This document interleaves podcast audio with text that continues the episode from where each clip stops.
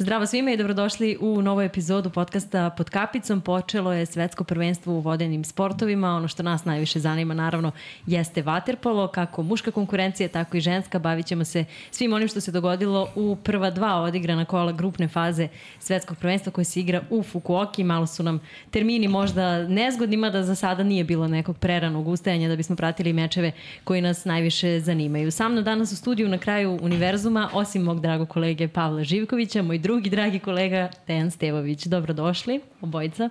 Hvala, bolje vas našli. Kako ste? Ajde prvo vas da pitam u stvari, pošto je Pavle ovde redovan. Da, pa pre tri dana je bilo loše, a posle jučerašnje utakmice je malo bolje, a čekamo sutra pa da bude još bolje. Da, da bude, do, da bude odlično. Da. Pavle, kako si ti? Ja sam dobro, hvala na pitanju. Dobro sam, pratimo i navijamo naravno za, za Srbiju, ali pratimo i ove reprezentacije iz regiona pogotovo, tako da sad nas tek očekuju pravo uzbuđenje i nadamo da. se da će to biti ovaj, kako treba. Da, pa da kažemo da ćemo se baviti dakle ovaj uh, svetskim prvenstvom sa akcentom na reprezentacijama iz regiona, tako? Tako je, bavit ćemo se svetskim, generalno imamo tu tu Dekija, ovaj koji je doajen e, novinarstva, pogotovo e, kada su vaterpolo prilike u pitanju, tako da će onako Deki malo da nas možda i podstije neke, neke lepe momente iz, iz njegove karijere, da nas u stvari da se da, da vrati ponovo na, na, na te neke priče koje je već ovde jednom pripovedao. A, ovaj, a što se tiče samog takmičenja, ovaj, za sada je to tek početak, možda se nije desilo ništa neočekivano za sada, ali, ali o tom potom, ajde ima tu prilike uh, Mm -hmm. Ovo, imamo tu svašta nešto da, da, da ćaskamo danas. Da. Evo ja ću iskoristiti ovako pravu metu uh, priliku prvo da pitam šta je ono što je vama privuklo najviše pažnje u ova prva dva odigrana kola, nevezano za Srbiju, Hrvatsku ili Crnu Goru, ali ovako ne, nekako u globalu gledano šta je ono što je malo zaparalo oči ako možemo o tome. Znači persiramo. A, da. Evo, ako, je nikako da odlukimo ne, okay, to. okay. Ovo, ovaj, ja sam bio u Fukuoki 2001. Mm -hmm. Tada se Waterpolo igrao na teniskom terenu nije bilo gledalaca uopšte. Sunce je bilo 40-45 stepeni, tako da je to bila tragedija. Znači samim tim dosta su napredovali Japanci, igra se u prelepom objektu, čujem po porukama sa drugarima tamo da je sve organizovano na najbolji mogući način, a ovo što je Paja rekao, prva dva kola ipak ne mm -hmm. mogu da pokažu ništa, ove mnogo jake reprezentacije počinju da igraju od osmine finala, četvrt finala, a ove druge reprezentacije pokušavaju samo da uhvate što bolji voz za te odlučujuće utakmice, pa onda šta im Bog da. Praktično ništa se senzacionalno u ovih 16 utakmica nije odigralo, svi su rezultati očekivani i verujem da na kladionicama jedino su dobijali oni koji su igrali na golove Crne Gore i Srbije protiv Južne Afrike, a na neki neočekivani rezultat toga nije bilo. Da. Da. Ovo, samo da razjasnim ovu priču oko persiranja. Dek insistira da ja njemu ne persiram, a ja još uvijek ne mogu da se naviknem, ali iskoristit ću ovu emisiju za to. Možda, možda mi pođe za ruku. Pa ajde, ve, vežbaj. Da. Vežbaj. Ove, ovaj, Pavle, kako si ti video ovaj, ovaj uvod u svetsko prvenstvo? Nije bilo nekih iznenađenja, outsideri su ostali outsideri, ovi favoriti su ostali favoriti, ali šta je tebi privuklo najviše pažnje? Pa to što kaže Deki, ovaj, potpuno se slažem sa njim vezano za, za početak da tu nije bilo ništa senzacionalno, možda su te razlike tih ekipa, nazovi malih reprezentacija su možda ovako baš, baš velike i mm -hmm. ne, ne daju nam ovaj zadovoljstvo ovaj, u tom nekom gledanju utakmica. Volio bih da, da je taj kvalitet malo, malo bolji, eto, kada govorimo o tim reprezentacijama koji su niže kvaliteta, ali kad je već pomenuo Deki Fukuoku, mnogo mi sviđa kako igra Japan, recimo, eto, mm -hmm. meni, je, meni je Japan ostavi utisak, Japan baš onako igra ovaj, jedan onako brz vaterpolo, lep vaterpolo, dinamičan i gledao sam celu utakmicu protiv protiv Mađarske i to prvo poluvreme mi je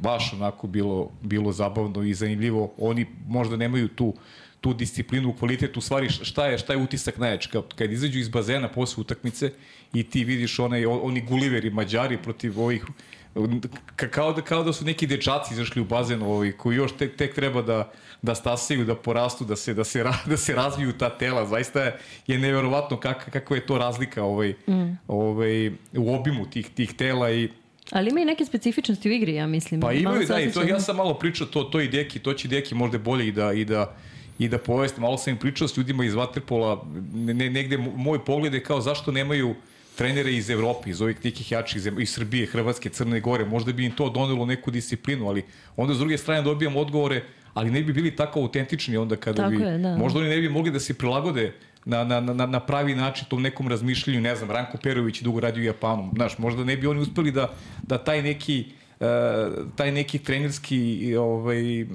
ajde da kažem, uh, pogled, neku viziju koju ima Marko Perović, oni to možda, prosto njihova tela ne mogu to da, tako da mm -hmm. ta neka specifičnost koju imaju očigledno da je možda Japanac na, na, na, na mestu selektora je najbolje moguće rešenje za njih, za njih. ne znam sad, Deki, kakav je tvoj? Da, pa, i kakav je Japan bio, gde je Japan bio kao vaterpolo tada, prvi put u Fukuoka? Pa ne, ne, Japan, Japan raste iz godine u godinu. Njihov je cilj bio da u Tokiju budu ekipa koja traži respekt. I oni su koristili trenere iz Evrope jedno vreme. Sećam se da je negde u Podgorici 2000 bio jedan trener Sablić, hrvatski, on je vodio Japan, pa Japan je tad bio slab ali na utakmici sa Hrvatskom bio je toliko iznerviran suđenjem da je u poslednjih 10 sekundi dva puta tražio time out, a rezultat je bio jedno 15 razlike za Hrvate. Japan ima svoj ponos i oni svesno igru baziraju na svojim fizičkim mogućnostima. I kad pričaš sa našim igračima, oni kažu da je vrlo neprijatno igrati protiv njih, jer oni pored tebe prolaze kao zunzare. A kad ideš u napad i kad oni postave odbranu, kontrafaul je neminovan. Mm -hmm. Jer ti čim se pomeriš, ono je odleti jedno, dva metra. To što Paja kaže, kad ovaj izađe napolje, to je kao li liputanac protiv Gojera. I ako se sećaš, oni su u Riju na 5-2 protiv Srbije imali 1 na 0, Yes. 6-2 i haos da bude. Međutim, onda su pali, Fić je dao 6-7 golova i mi smo dobili tu utakmicu. Znači, Japan će sigurno da igra mm -hmm. dobro, ali da li će moći nešto da uradi? I ne zaboravimo, dva puta su ajde da upotrebim izraz, otresli Amerikance na velikim takmičenjima, da Dejan Udovičić jednostavno nije znao šta da radi. Oni kad krenu da igraju, ako im uđeš u ritam, taj njihov brzi, nema šanse da ih povacaš. Mm -hmm. Ali kad oni upadnu tvoj ritam, dobiješ utakmicu. Oni su protiv Mađara, što kaže, mm. pa polovreme izdržali bez greške. Bilo je 8-7 za Mađarsku, da. sredinom treće. Još su mašli ona dva zicera, tako, mogli su oni da zicera, da vode. Tako, znači, vrlo su specifični. Takvi su, a takvi su i kinezi slični. Samo su kinezi sada se opredelili da ipak imaju selektore van. Ranije su znali da dve, tri godine drže selektora iz Evrope, a četvrtu godinu odlučujući vodi Kines, koji sve vreme gleda, piše, uči se i onda on vodi ekipu jer je to stvar nekog mhm. ponosa. Japan ide nagore da ima te fizičke mogućnosti, Mm -hmm. Gledali smo onog japanskog centra, zaboravili se kako se još igra u Zvezdi. Da. Sad više ne igra reprezentacija, zaboravili se kako se, nije bitno. Mm. Oni imaju i Nabu, ovog vrhunskog strelca. Znači, ako oni budu opredelili da im ekipa, da im bude rasuta po evropskim klubovima, mogu oni da napredu što će za Waterpolo biti veliki dobitak. Da. Mm -hmm. Za sad imaju samo ovog, ovog dvojku, on igra u Oradej, čini mi se. Jeste, ali bilo je tu neki, sad ne mogu nažalost da se setim, bilo je nekih pokušaja, konačno Dejan je to uradio sa Amerikancima, Da. Prosuo ih je po Evropi, dobio ekipu, to sam teo da kažem. Uh mhm. -huh. Može da bude vrlo, vrlo prijatno iznenađenje ovog puta. Da. Uh mhm. -huh. Deki, ili, ili, ili Amerika iznenađenje uopšte, ako se to dogodi? S obzirom, s obzirom na tu spoznaju ljudi iz Waterpola koji znaju kakav taj proces izgleda sada već. Oni imaju nekih 18-19 igrača koji igraju u, jest, u Evropi. Jest, ali to je Dejanova zasluga. Mislim da mi ajde da upotrebim taj izraz, mi malo pocenjujemo -hmm. Dejana Udovičića, zaboravljamo koliko je on značajan za ovu reprezentaciju koja se oprostila uh -huh. pre dve godine i da je on 10 godina selektor Amerike. To koliko ja znam nikada u američkom vaterpalu nije bilo. Pri tome njegovi rezultati nisu bili tako da Amerikanci se busaju da su napravili pravi pogodak, ali njegov rad, on kad bi nabrao samo igrače koji mu ne treniraju, koji su prestali da igraju vaterpolo zbog biznisa, a bili su veliki talenti, Bonani na primjer i tako dalje, -huh videli bi da bi Amerika bila odlična ekipa. I oni su konačno taj njegov sistem rada usvojili, veruju mu, imamo jednog Haloka, koji je mhm. vrhunski igrač, Irvinga i tako dalje, ovaj Daup, kako se zove, ovaj što igra u Francuskoj, jedna odlična ekipa, da. konačno je bio ovaj Boven u Partizanu, uh mhm. -huh. Amerika se digla. Može da bude vrlo, vrlo nezgodna ekipa, vidio si na svetskom kupu. Pa priča mi, priča mi Miloš Koroli ovde koliko su dobre reprezentacije ovo juniorske sada. Da, da, Jest. Pa i u krajnjem slučaju Srbije odigrali jednu nevjerovatnu utakmicu. Gubili smo sa 5-2, na kraju je bilo 8-7 uz mnogo muka i čuo sam da ima tu nekih ima igrača. dva vrata odlična. Da, e to, da. Da, da ima do, mislim da se da fantastično. Uh mhm. -huh. Tako da je to, to jedino rešenje za te van evropske zemlje da svoje najbolji igrače šalju u klubu, jer ja mislim da su oni čak spremni da snose troškove. Naš da. savez američki, da snose, ajde, kinezi sigurno. E sad, da li Evropa pati za kinezima u Waterpolu, to nisam siguran. Ali za dva, tri igrača sigurno bi bilo mesto. Ali znaš za čim može da pati za, za, za novci? Waterpolo pogotovo, znaš, to, to može opet da ti bude Znaš, da ti neko plati ovaj, malo sebi budžet, ovaj, možda, možda popuniš. Dobro, a ti se sećaš da je Ratko Rudica Brazilom teo da igra regionalnu ligu i da bude svešten u Zadru ili Šibeniku. a to na kraju nije uspelo. To je bila njegova ideja, znači da šest meseci Brazilski olimpijski komitet plaća sve troškove tamo, a da se oni pripremaju što samostalnim radom, što sparingom i što igranjem u regionalnoj ligi koja je tada 2016. bila vrlo jaka. Uh -huh. Da. Malo smo skrenuli sa puta ovih da, uh, reprezentacija iz regiona, ali nema veze, vratit ćemo se, ima još tu zanimljivih. Prospomenuli smo tu Južnu Afriku i te, uslovno rečeno, manje vaterpolo nacije. Uh, hoćemo da krenemo Srbijom i onim što Možemo, smo gledali u prve, prve dve utakmice. Te sam poraz na kraju od Španije i ubedljiva pobeda nad Južnom Afrikom, pa ćemo se i tu dotaći i te Južne Afrike ako možemo ovaj, i kroz taj rezultat i kroz rezultat onaj protiv Crne Gore njihov. Uh, šta smo videli protiv Španije? Pa mislim da kad analiziraš Srbiju u prva dva kola da ni jedna utakmica nije pravi reper. Uh -huh. 16-14 za Španiju nije realan rezultat po onome što se videlo. Taj rezultat je odličan za Srbiju ali je čitava utakmica zavisila od ambicija Španaca, njihove želje, da je gol Granadosa ili Peterac priznat, pitaj Boga da bi se to zaustavilo. Mene tu da kažem, dopalo mi se što je Srbija iskoristila to opuštanje Španaca u zadnjih četiri minuta i taj poraz učinila blažim nego što jeste, ali mora da se zna da je taj rezultat posledica kako opuštanja Španije, tek onda buđenja Srbije. Mm -hmm. Protiv Južna Afrika isto nije reper, to da li je Južna Afrika ili neka vatrogasna ekipa, potpuno je nebitno, ali kad ti primiš 35 golova za 32 minuta, a igraš na svetskom prvenstvu, onda je to malo malo i degradirajuće za sam vaterpol. Tako da mislim da, da je neko rešenje u nekim drugim traženjima, kvalifikacijama, ko može mm -hmm. da igra tu, jer mi nemamo neke evropske zemlje koje bi tu daleko više pokazale, a da bi se ispoštovao kontinentalni princip, mi gledamo Argentinu, mm -hmm. Južnu Afriku, a kažem, to radničke sportske igre. Da, mm. da. Je li ima tu načina da se premosti taj nedostatak takmičarskog momenta kod, kod tih kvalifikacija? Pa jako je teško, jako je teško igrati te utakmice. Mm -hmm. Jer sećam se ranije kad smo mi igrali sa nekom Belgijom ili Švedskom, neke kvalifikacije, kaže samo živi da ostanemo. Oni ne znaju ništa, samo znaju da udaraju. Mm. I tako je sad ovde, južnoafrikanci nisu taj problem, oni nešto tu odigravaju i tako dalje. Ali to nije, to nije ni trening. Mm -hmm. Sad ti daš, mi smo dali juče 30 gola, mislim da je 12 bilo iz kontri. To je odlično uvežbane kontre, to nema dileme. A to neće imati protiv koga? Crna Gora neće puštati kontre. Ovi kasnije neće puštati kontre. Južna Afrika je jedan korektan Ma nije ni korektan sparring partner da budemo iskreni. To je ekipa koja tu igra zato što eto, može da plati prvak je kontinenta koji nema mm -hmm. konkurenta tamo i to je to. Mm -hmm. Pavle? Ajde pa, prvo protiv Španije, ovo što smo videli, pa bilo je tu da. amplituda. Da, pa bilo je amplituda i nekako mi je iskreno, iskreno i logično da, da, da ih ima, s obzirom da Ovo, ono što ne, ne treba zaboriti, 7 debitanata na, na ovom svetskom šampionatu, uh, igraš protiv ekipe koja je trenutno najbolja na svetu. Realno, Španija jeste aktualni prvog sveta i jeste ekipa koja je najbolja u usponu. Ima Filipe Peronea koji makar iz mog ugla čini tu reprezentaciju 40, ako ni 50% bolje. Jer Filipe, bez Filipe Perona ova Španija onako, Tačno. mislim da to ne bi bilo to. Da, da tu igra Šegal utakmicu sa njima i čak mislim da Srbija da je Srbija tu ima i prednost. Mm -hmm. I, I Srbija i bez Dušana Madića, jer ovo što je radio Perano u prva dva kola, ovaj, nisam izduž da, bude, da mu ne pošlijem poruku, stvarno je čovjek fenomenalan, zaista genijalac jedan. I ono što, što pričali, pričali smo malo pre, dok smo se pripremali za emisiju, prosto glasno sam razmišljao na, na temu odlazak ovih igrača, ovih velikana, srpskih velikana koji su otišli ovaj, sa, sa najveće scene. Ovaj, ja bih volao da su dalje prisutni jer očigledno da tu ima mesta za još nekog da, mm -hmm. znaš, da tu taj neki prelaz, ajde da kažemo generacijski da... Bude bezbolniji. Pa da bude bezbolniji, da bude bezbolniji, da ti imaš recimo sad u situaciji kad nemaš, evo Srbija, ti neki tim ispravi, Srbija prvi put igra bez levoruku igrača još od 2005. godine. Da. Fića je 2006. krenuo, tako. pojavio se Manda, ti si imao olimpijske igre, bili smo zajedno da. u Otini. Da. 2004. godine uh, Srbija igrala bez levorukog igrača, Mađari su imali tri tada levoruka igrača. Tako. Na Srbiji ni jednog. 2005. takođe u Montrealu nije, nije bilo levoruku igrača. Od 2006. Srbija ima i tu desnu stranu koja je najjača na svetu. Kad, se, kad je došli Duša Mani, Duša Mani, Filip Filipović, to je, znaš, zbog njih recimo Boris Vapenski nije mogu da priđe reprezentaciji.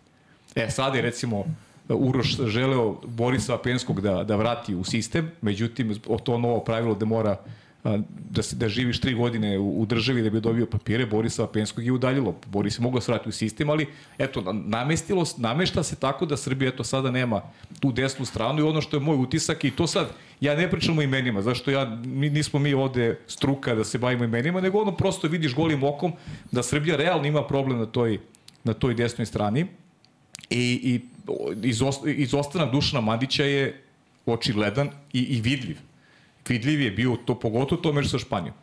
I u obrani protiv Granadosa i u fazi napada, de, ali to je sve proces. Ti, ti mladi momci, njima treba vreme da bi, da bi sazreli, da bi, da bi dali da bi dali ovaj, svoj neki maksimum, svoj doprinos i treba im apsolutna podrška. I to je, to je neki moj utisak i nis, ni, mislim da niko ko, je, ko radi u Vatrepolu i ko prati Vatrepolo nije očekivao da će Srbija ovaj, u tom prvom kolu da pobedi Španiju. Mm -hmm. Da li Srbija ima kvalitet da pobedi? Ja mislim da ima. Da ima. Ali da, da je potrebno vreme i da, da ovoj ekipi je potreban Dušan Mandić. To je to, da bi se, da bi se ovaj, napravilo nešto više. Do kraja prvenstva, e, pričao sam s Dekijem, napravio sam paralelu, ali možda nije ni prava, ali 2009. godine ova generacija je počela tako što je izgubila uh, od Španije prvu utakmicu u svetskom prvenstvu u, u Rimu.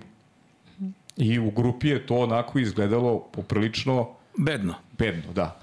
I došla Italija u osmini finala domaćin, Tempesti na golu, italijani koji žele da budu prvaci sveta i dobili su po ušima i krenulo je priča cela. Pa si imao još kriznih momenta te generacije, kad je došao Deki Savić, pa... Uh, 13. 13. tako je, imao si, imao si neuspeh u Barceloni, pa ti ideš u Budimpeštu gde onako imaš utakmicu za prolaz protiv Crne Gore, mnogo važna utakmica. Španija.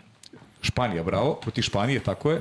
I, i ti imaš tu, imaš tešku utakmicu gde, gde ovaj, ili jesi ili nisi, a klackalica utakmica.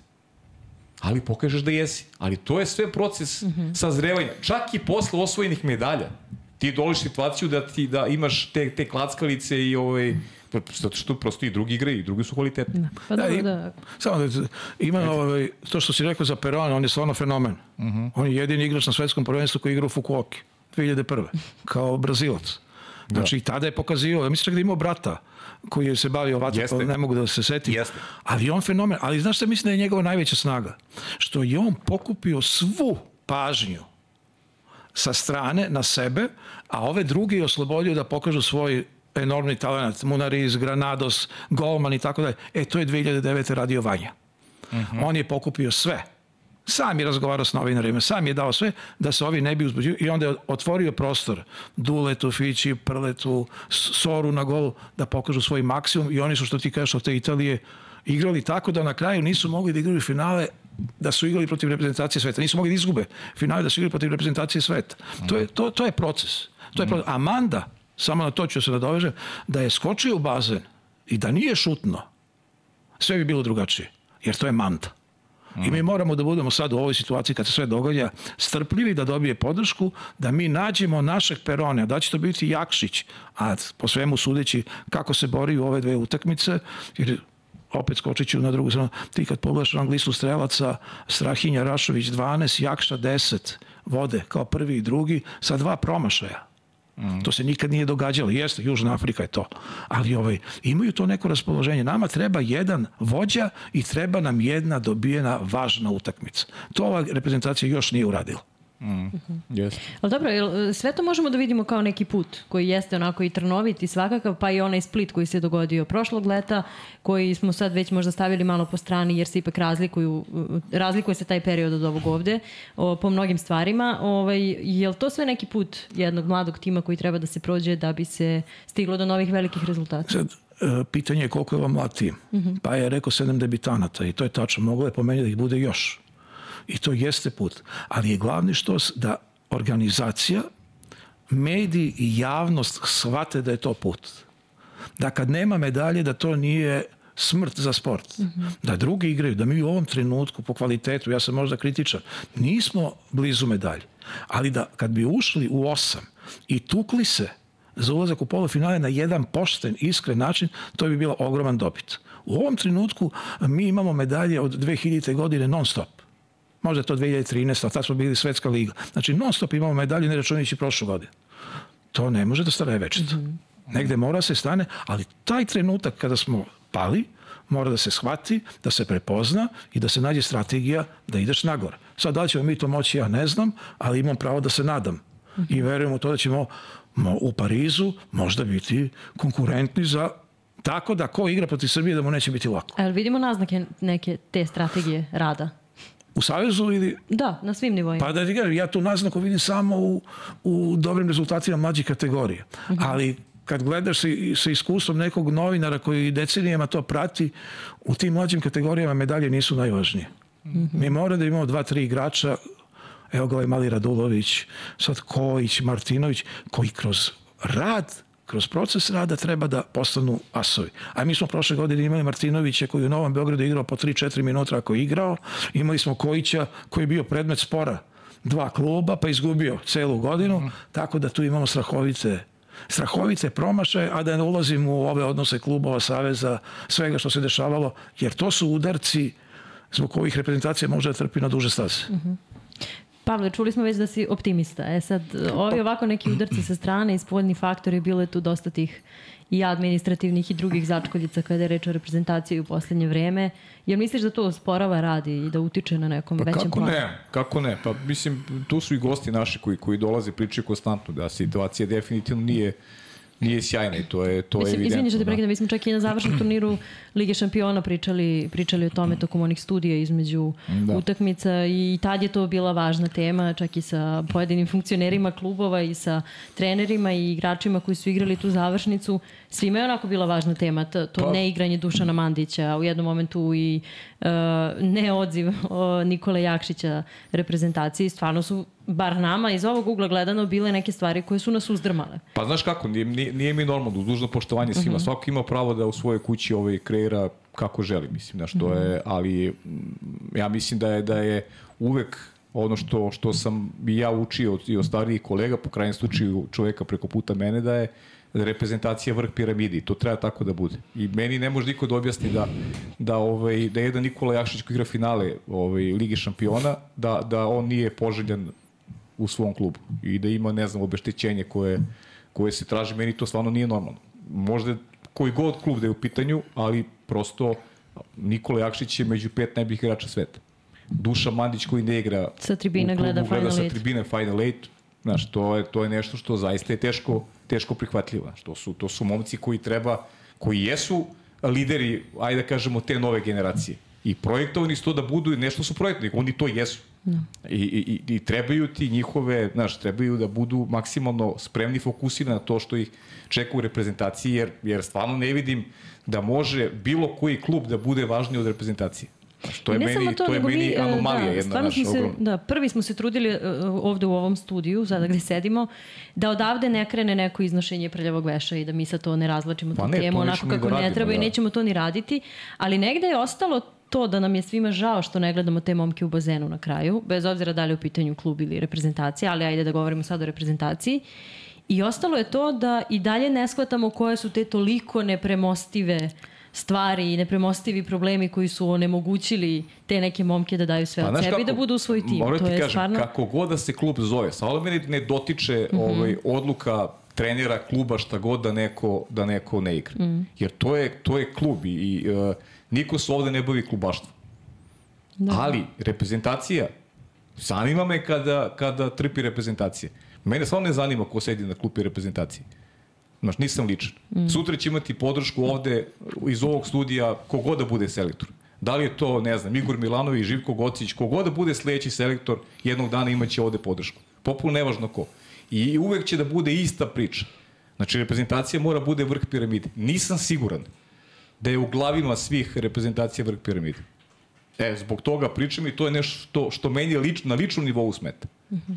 Eto, to je, to je jedno što imam da kažem na tu temu. A sada šta se, e, stvarno ne, ne želim da se bavim ovaj, tračevima, ne želim, to je, e, to je nešto se kosi sa nekim uh, mojim mentalnim sklopom. Ja niti me zanima, niti čitam žutu štampu, niti me zanimaju te gluposti, ne interesuju me. Hoću da mi nekog dođe ovde da mi kaže, da mi objasni zbog čega Mi nikad nismo saznali zbog čega Duša Mandić nije, ovaj, zbog čega je sklonjen iz, iz Novog Beograda. To niko nam nikada nije rekao. I ja da se bavim sad tračima, šta ja podigam, to neću da radim. Ma ne, ne, apsolutno, ali apsolutno kada se to zanima. prenosi na, ako Ali se to prenosi i na te- kako se prenosi? reprezentaciju, Pa da. evo imamo, imamo tu, Duša Mandić ne igra u reprezentaciji. Mislim, znaš, sad da li to, šta je u njegovoj glavi posle svega dečko što nije igrao 4-5 meseci, šta se tu dešava sa njim, ja, ja sam njega zvao, dođi ovde da pričamo o tome, pa, pa ovaj, nije, nije, ovaj, nije bio raspoložen. Znaš, to je, tako da to su, to su stvari koje su ovaj, smetaju i nisam siguran da su se dešavale u prošlosti. Tu je Djeki da, da me možda, da možda kaže, ja nisam siguran, bilo je ovde priča kroz ovaj podcast o, o, o periodima kada nije bilo dobre atmosfere, tu su akteri pričali, ali, ali ovako nešto, ovako nešto se, se nije dešavalo, makar da ja znam. Da, Dekel, možemo da se osvrnemo malo i na te periode kada isto nije bilo dobre atmosfere, a ovaj, možda jeste ili nije uticalo na rezultate, sad malo da se vratimo i kroz to i tvoj konkretno stav o svemu ovome i ovo što je Pavle rekao i cijeli situaciji. kada nije bilo dobre atmosfere, ona se nije toliko osjećala u bazenu. Jer su igrači imali prema javnosti jedan stav, Dača, Vujac, Šapić. Nije važno kakvi smo napolju. Važni smo da je unutra sve kako treba. I to je uglavnom funkcionisalo do možda tog poraza od Amerikanaca u polufinalu tih olimpijskih igara kada su oni bili svesni šta se događa. Ali, kažem, ta atmosfera se nije osjećala u igri. Drugo, reprezentacija, što kaže Paja, ne da je ona vrh piramide, nego ispod tog vrha je ogromna pauza, pa onda klubovi. Zašto? Zato što uspeh reprezentacije drži organizaciju. I Vatepol Savez je možda jedina organizacija čije je funkcionisanje, primanje financija, novca iz budžeta od sponzora zavisilo od uspeha reprezentacije. Kada uspeha nema, svi su drugi nezainteresovani. I zato je ta reprezentacija, pogotovo u vreme od 2009. bila stub Zato se kapitan reprezentacije Vanja, pa kasnije Žile, pitali za neke stvari za koje se inače ne bi pitali. Mm -hmm. Ali to je tako. E sada smo došli do ove situacije što kaže Paja, to se nikad nije dogodilo. Nikada se ja ne pamtim da je neki klub zabranio svom igraču da dođe na pripreme reprezentacije. Ne pamtim da je klub svom najboljem igraču i kapitenu posle jedne izgubljene utakmice zabranio više da trenira i dao mu šansu da trenira sa nekim ajde Vukovi su isto bili super ligaši, ali to nije Mandin Rag. Ovo sa Jakšićem mogu da razumem nismo zadovoljni igrama, nismo zadovoljni ponašanjem, možeš da ideš za 150.000.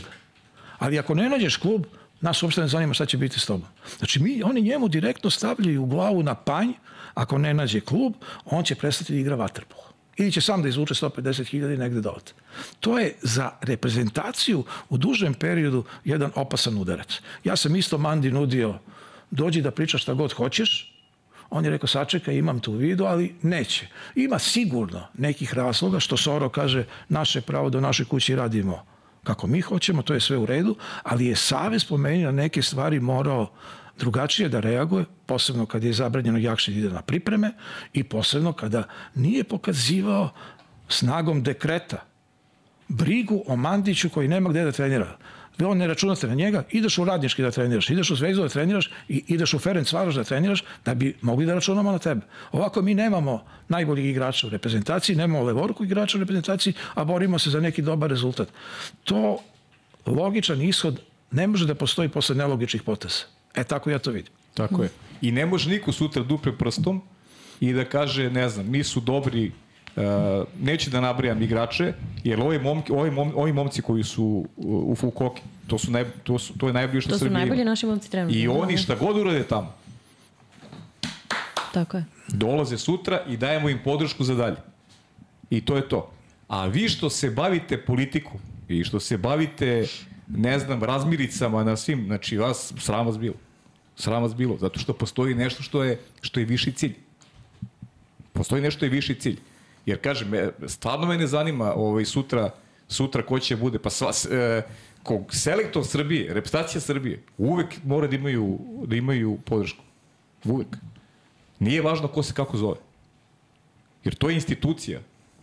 Selektor Srbije, reprezentacija, to, to je nešto što, što svi treba da vrednujemo i treba da poštujemo. Izvini, kod Stevanovića imaš jednu, uh, po meni, jako dobru crtu što činjenice da nema Mandića, pa ide Viktora zbog povrede, ali što nema Mandića, on nikad ne koristi u fazonu, ali nema Mandića, pa ćemo onda vidjeti šta je bilo. Nema ga. Nema, nema, to je precrtano, to je gotovo i Tako, idemo dalje. I on da. idemo dalje. I on se s time sada tuče. On je koga ima, s tim se mora. Da li će Manda da se vrati? Verovatno hoće. Kako će to sve da izgleda? Nadam se da će biti dobro. Vidjet ćemo možda već u Izraelu. Ali je čitava situacija da je reprezentacija ovog leta ovaj, u takvoj situaciji bila da nikada ranije nije bilo u tome. A to, se, to su naznake već bile 2022. pred eh, Split, kad se osjećalo da to ne funkcioniše više na onaj način na koji funkcioniše velika reprezentacija. Da. Uh, pa da, nešto smo mi tokom cijelog tog turnira u Splitu i, i malo pričali, i malo nagađali, trudili se da ne nagađamo toliko, ali smo sve vreme znali svih dana da se nešto ovaj, čudno zbiva i negde se odatle vuku ti repovi. Meni je samo, to ću još, pa možemo polako da zatvorimo tešku temu, ovaj, simptomatično mi je to da, da pojedini ljudi koji danas utiču na ta dešavanja sva oko Mandića, Jakšića, e, Novog Beograda i, cele te priče odnosa sa reprezentacijama i savezom, um, su bili deo velikih uspeha u prošlosti. To su ljudi Waterpola. I njima je ta reprezentacija bila vrh piramide i svoje neke možda lične uh, ajde, interese, egoje i sve drugo je sta, su stavljali po strani kada je bilo momenata da oni naprave velike rezultate. I sad malo, mislim da je ovo što je Pavle rekao, ajde da pustimo sad ove momke da oni rašire krila i da naprave neke nove Pa, uspehe, a ne da ih... To je možda potvrda najbolje kako se stvari brzo zaboravljaju, znaš, kako Da. ovaj znaš kako se kaže, daš neko malo malo Mhm. ovaj moći, vlasti šta god i da vidiš kakav je, znaš, to je Mislim, njih smo gledali sa, to sa je, medaljama oko to je vrata. stara i- priča, ja stvarno, znaš, ne, ne, ne gađam stvarno ni u koga konkretno, ali, ali znaš, ti moraš da, da kreiraš kao sportski radnik. Moraš da kreiraš ambijent u kome će ti koji su u bazenu da se osjećaju dobro. I da znaju da imaju iza sebe podršku. A ne da imaju ovaj, frontalne udare i, i da imaju fokus na ono što rade u bazenu. Što nije, nije alibi za njih da u bazenu nisu dobri. Apsolutno, Ali ako, da. neko, ako ti neko kreira lošu atmosferu, a ti od njega tražiš da on bude pravi, pa to, znaš, to, to ne ide jedno sa drugim. Znači, mora ceo ambijent, znaš, svuda da je, da je, kolektiv, kolektiv je mnogo važan, znaš, da li, neki, da li je mali kolektiv, da li je veliki kolektiv. Ako imaš nekog ko, ko, ti, ko ti remeti ambijent, pa taj, znaš, taj, taj, taj treba da ga, treba da ga ukloniš, treba, znaš, ne, ne, ne, ne treba ti tu. Kapiraš? Da. I, i ako, ako, nemaš tu, ako nemaš to jedinstvo, pa i taj onda koji je, koji je važan, on to oseti i ne može da pruža ono što, što, što objektivno može, što se od njega očekuje. Nemoj da upireš sutra prstom u njega. Mm -hmm. Nemoj alibi, da se, nemoj se služiš alibijima, da upiraš, kažeš taj nije dobar, ovo, a šta si ti uradio da on bude dobar? Mm -hmm. Kako si mu ti pomogao da on bude dobar? E, to su, to su mnogo, mnogo važne stvari i zbog toga je, kažem, ja u prstom neću upirati u Da, da. Pa ni, u- u nismo te to radili, evo ni sad ne pa radimo. ne, ne, zato što, Nije- nije zato što do tih toga momaka uopšte. treba, od tih momaka, i ajde da kažem od većine tih momaka, treba praviš nešto što je budućnost srpskog vaterpola. Treba da im praviš, napraviš ambijent u kome će oni da se, da se osjećaju lepo i da mogu da pruže reprezentaciji. Nisu svi, ne mora to budu zlatako, pa nisu svi Andrija, Fića, e, Mića, Apsolutno, Stefan, da, ali znaš. samo im omogući da zaista daju ono što Tako imaju. je, Dule i- Pjetlović i ekipa, mislim, to, to se rađa jednom u ko zna koliko godina. Tako Ljudi, pa da. mi, mi pričamo koliko je, koliko je vaterpolo važan ovaj, ovom društvu. Mi imamo situaciju u kojoj e, ta generacija, većina te generacije, Igor Milanović, Dragan Andrić i Milica Mandić, to su jedini dvostruki osvajači zlatnih medalja u istoriji ove zemlje. Pri, pričamo o, o desetak vaterpolista i o jednoj devojci koja se bavi tekvondom. Ljudi, pa znači mi mora da sačuvamo taj sport. Moramo da radimo na tome da taj sport e, da, da, da ostane na, na, na, toj najvećoj, na toj najvećoj mapi. A ne da ga iznujaš. E, te- to je nešto što meni kao čoveku smeta. Znaš, to je, znaš, kad vidiš te ovaj, stvari koje su, koje su nemaju veze sa, sa nekom, nekom realnošću.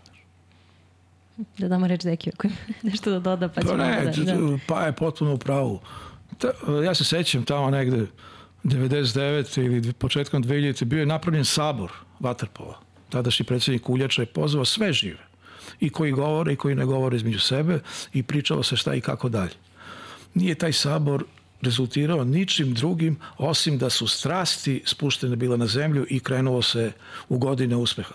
Nama je potreban ovde jedan odnos ljudi koji vode savezi i klubove da se svede na jednu meru priče, razuma i shvatanja u kakvom se trenutku nalazimo. E, praje je u pravu. Ovim igračima niko ne sme ništa da kaže. Jer su oni otišli na pripreme i dobili su sve uslove, ali je čitav ambijent u Waterpolu posebno kada se odnosi na najbolje igrače bio pogrešan.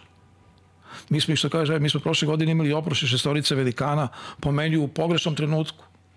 Neposredno pred Evropsko prvenstvo, gde su njihove zamene gledale na Dorčelu kako publika ovacijama pozdravlja velikane Vatrpola i njima u glavi se postavlja pitanje kako ću ja da zamenim ovog. I onda smo videli šta je bilo. Znači, mi moramo da budemo svesni trenutka i da budemo kritički prema tom trenutku i da budemo realni gde smo, šta smo i da tražimo način kako da idemo gore.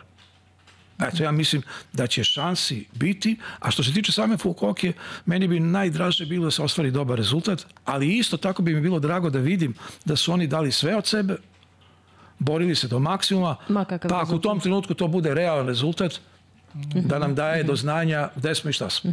To Da. bi bilo korisno posle Da, cijelog apsolutno. ovog perioda. Da. Da, to je še, još jedno razmišljanje koje, koje smo delili pre početka, to ovaj, pošto mnoge pričaju o toj smeni generacije, znaš, eto, pomenuo sam Fiću, apropo toga da nema Mande, pa nemamo levoruku igrača od, od 2005. godine i zašto recimo Andrija igra sjajno u klubu, zašto Fića koji i dalje ovaj, igra kao poput Filipe Peronea, Uh, znaš, zašto se ne uključuju u neku nep- represivnu akciju. Onda, ja sam glasno razmišljao na tu temu takođe. Onda, znaš, onda shvatiš jednom momentu ta, to poređenje sa Peronom. Pa taj Filipe Perone, koji je igrao još Vukoki 2001. godine, on nema ni jednu medalju sa olimpijskih igara. Filipe Perone i dalje vuku ti, ti veliki sportski motivi. Znači, on prkosi tim godinama i, i, i iz razloga što, što nije ostvario svoje snove, e, igračke snove. A ti sad kažeš Fići, ajde možeš da pomogneš Fića koji već ima dva olimpijska zlata. I sad on treba sebe, znaš, negde da pripremi sebe da kaže ajde da, da pomognem, ali, ali čekaj, ima i osvojio dva olimpijska zlata. Lakše je Filipeu da sebe gura i da... Pa da, lični da, motivi su znaš, uvek tu, Tako je, rezultatski, da. bitni su, a ti si opet ostavio nešto veliko, veliko si ostavio u, u, u amanet.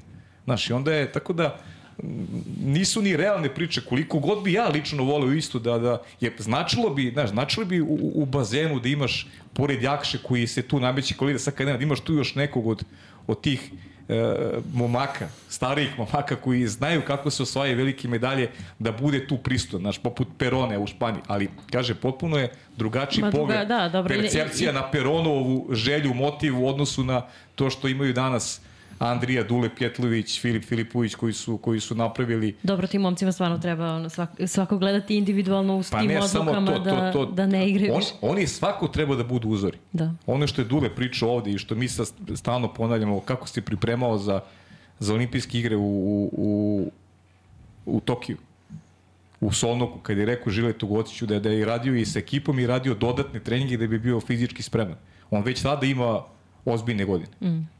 Pa radi naporno dodatnih 3-4 sata da bi doveo sebe u tako fizičko stanje da, da, da bude spreman. može za... da izdrži, da. E, to su neke stvari e, gde treba ti momci koji su u reprezentaciji sada, da im to bude neki reper e, ponašanja, kako i oni treba da gledaju na, na, na sport i kako treba da se ponašaju da bi uradili e, neke velike stvari u svojim životima sa nacionalnim, tim, sa nacionalnim timom, u sve ove prateće stvari o kojima smo pričali, ambijentu koji realno u srpskom vaterpolu danas nije dobar. A treba, svi koji e, žive od vaterpola, koji su u srpskom vaterpolu, treba da im pomognu da taj proces adaptacije da bude mnogo, mnogo lakši. Eto.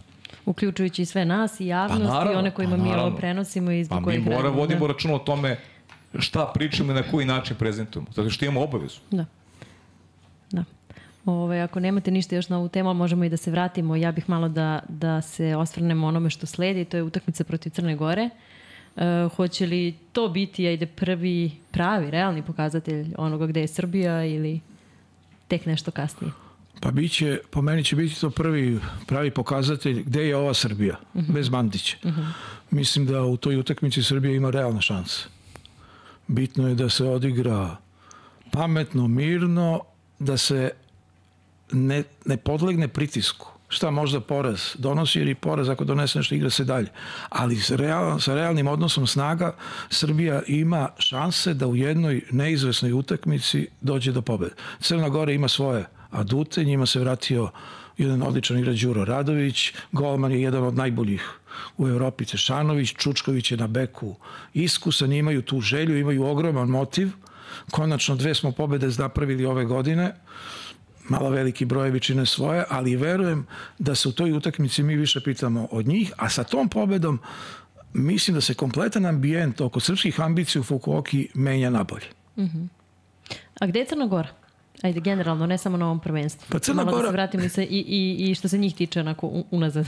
Crna Gora imala svoj ovaj veliki trenutak u Budimpešti na onome e, prvenstvu, kada su osvojili bronzanu medalju, ali je to bila Crna Gora sa Lekom Ivovićem i ona je ušla u jednu smenu generacija sa još manjom bazom mm -hmm. nego, što smo, nego što mi imamo.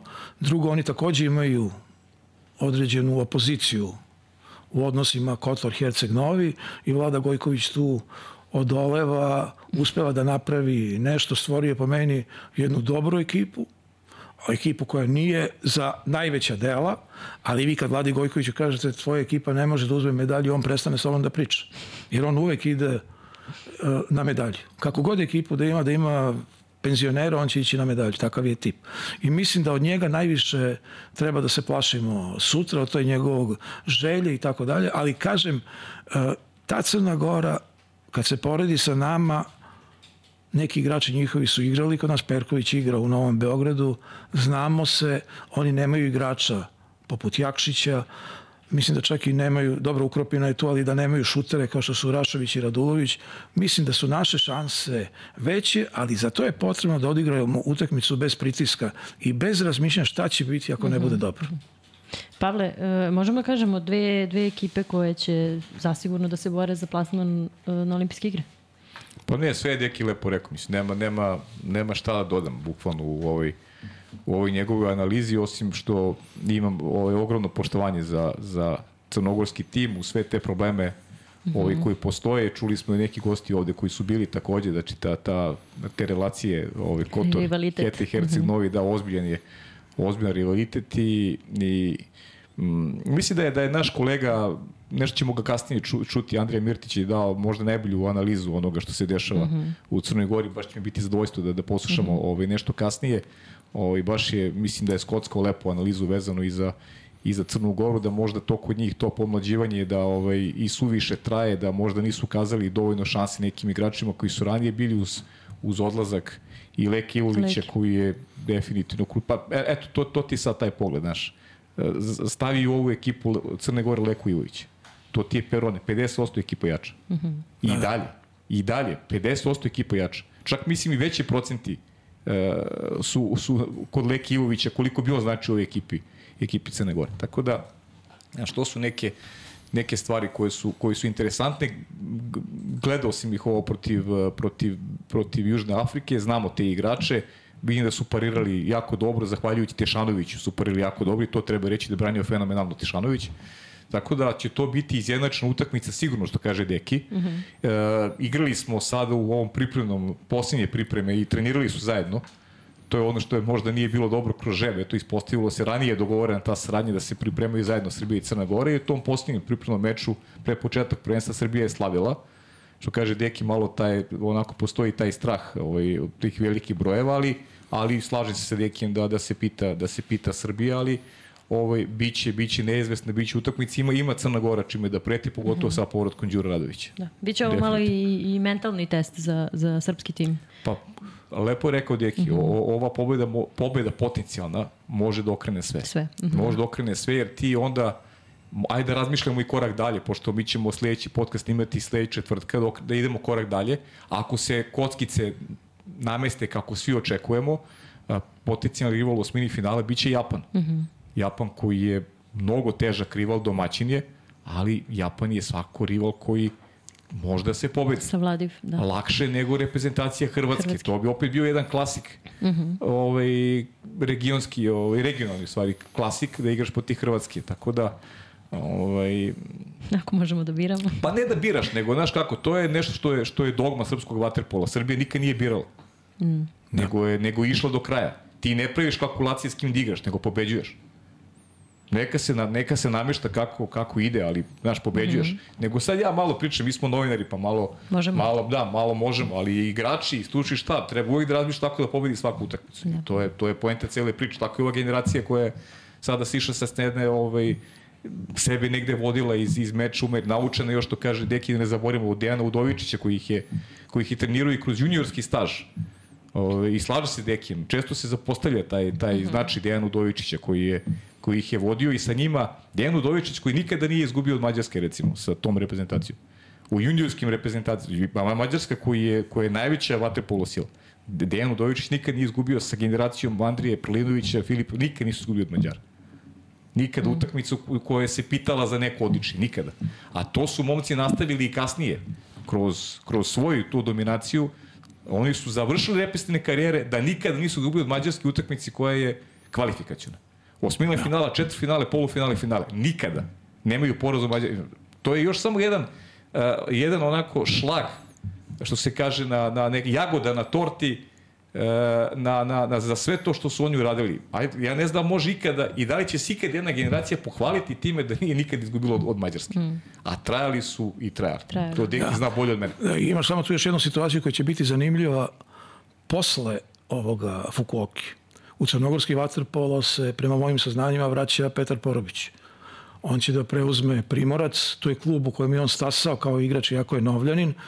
On je, mislim, kum sa Vladom Gojkovićem, tako da će oni verovatno tražiti neke neko smirivanje strasti u interesu kompletnog crnogorskog vaterpola, a što se tiče sutrašnje utakmice, koliki je pritisak na nama, toliki je isti pritisak na njima, jer rezultat utakmica Srbija Crna Gora se sa različitom težinom analizira u Srbiji i sa različitom težinom u Crnoj Gori. Jer ćeš ti u Crnoj Gori sada kada je leto imati dosta njih koji će skakati kad Srbija da gol.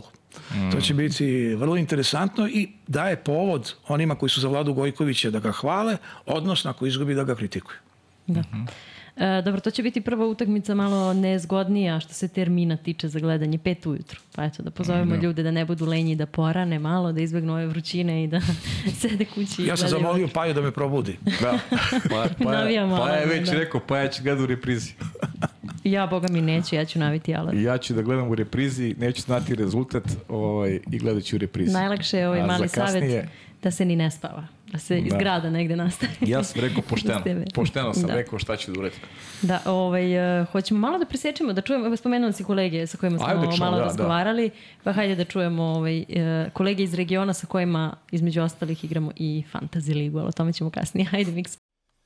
Pozdrav ekipi najboljeg podcasta u regiji, pozdrav Pajo, pozdrav Aleksandra. Nadam se da ste dobro i da ćete brzo na godišnji odmor da malo, da malo i vi odmorite. E, hvala vam na pozivu da prokomentiram ukratko e, ovaj početak svjetskog prvenstva u Fukuoki e, iz perspektive reprezentacija tu Hrvatske, Srbije i Crne Gore. Ovako, počeo bi sa Srbijom, praktički sve tri reprezentacije su do sada radile samo jednu utakmicu, pravu, mimo dva treninga, mimo treninga koji su imali sa Argentinom i Južnoafričkom republikom. Znači, Srbija-Španjolska utakmica, je Španjolska bila favorit, očekivalo se da će pobjediti i moram priznati da su kontrolirali utakmicu od početka do kraja.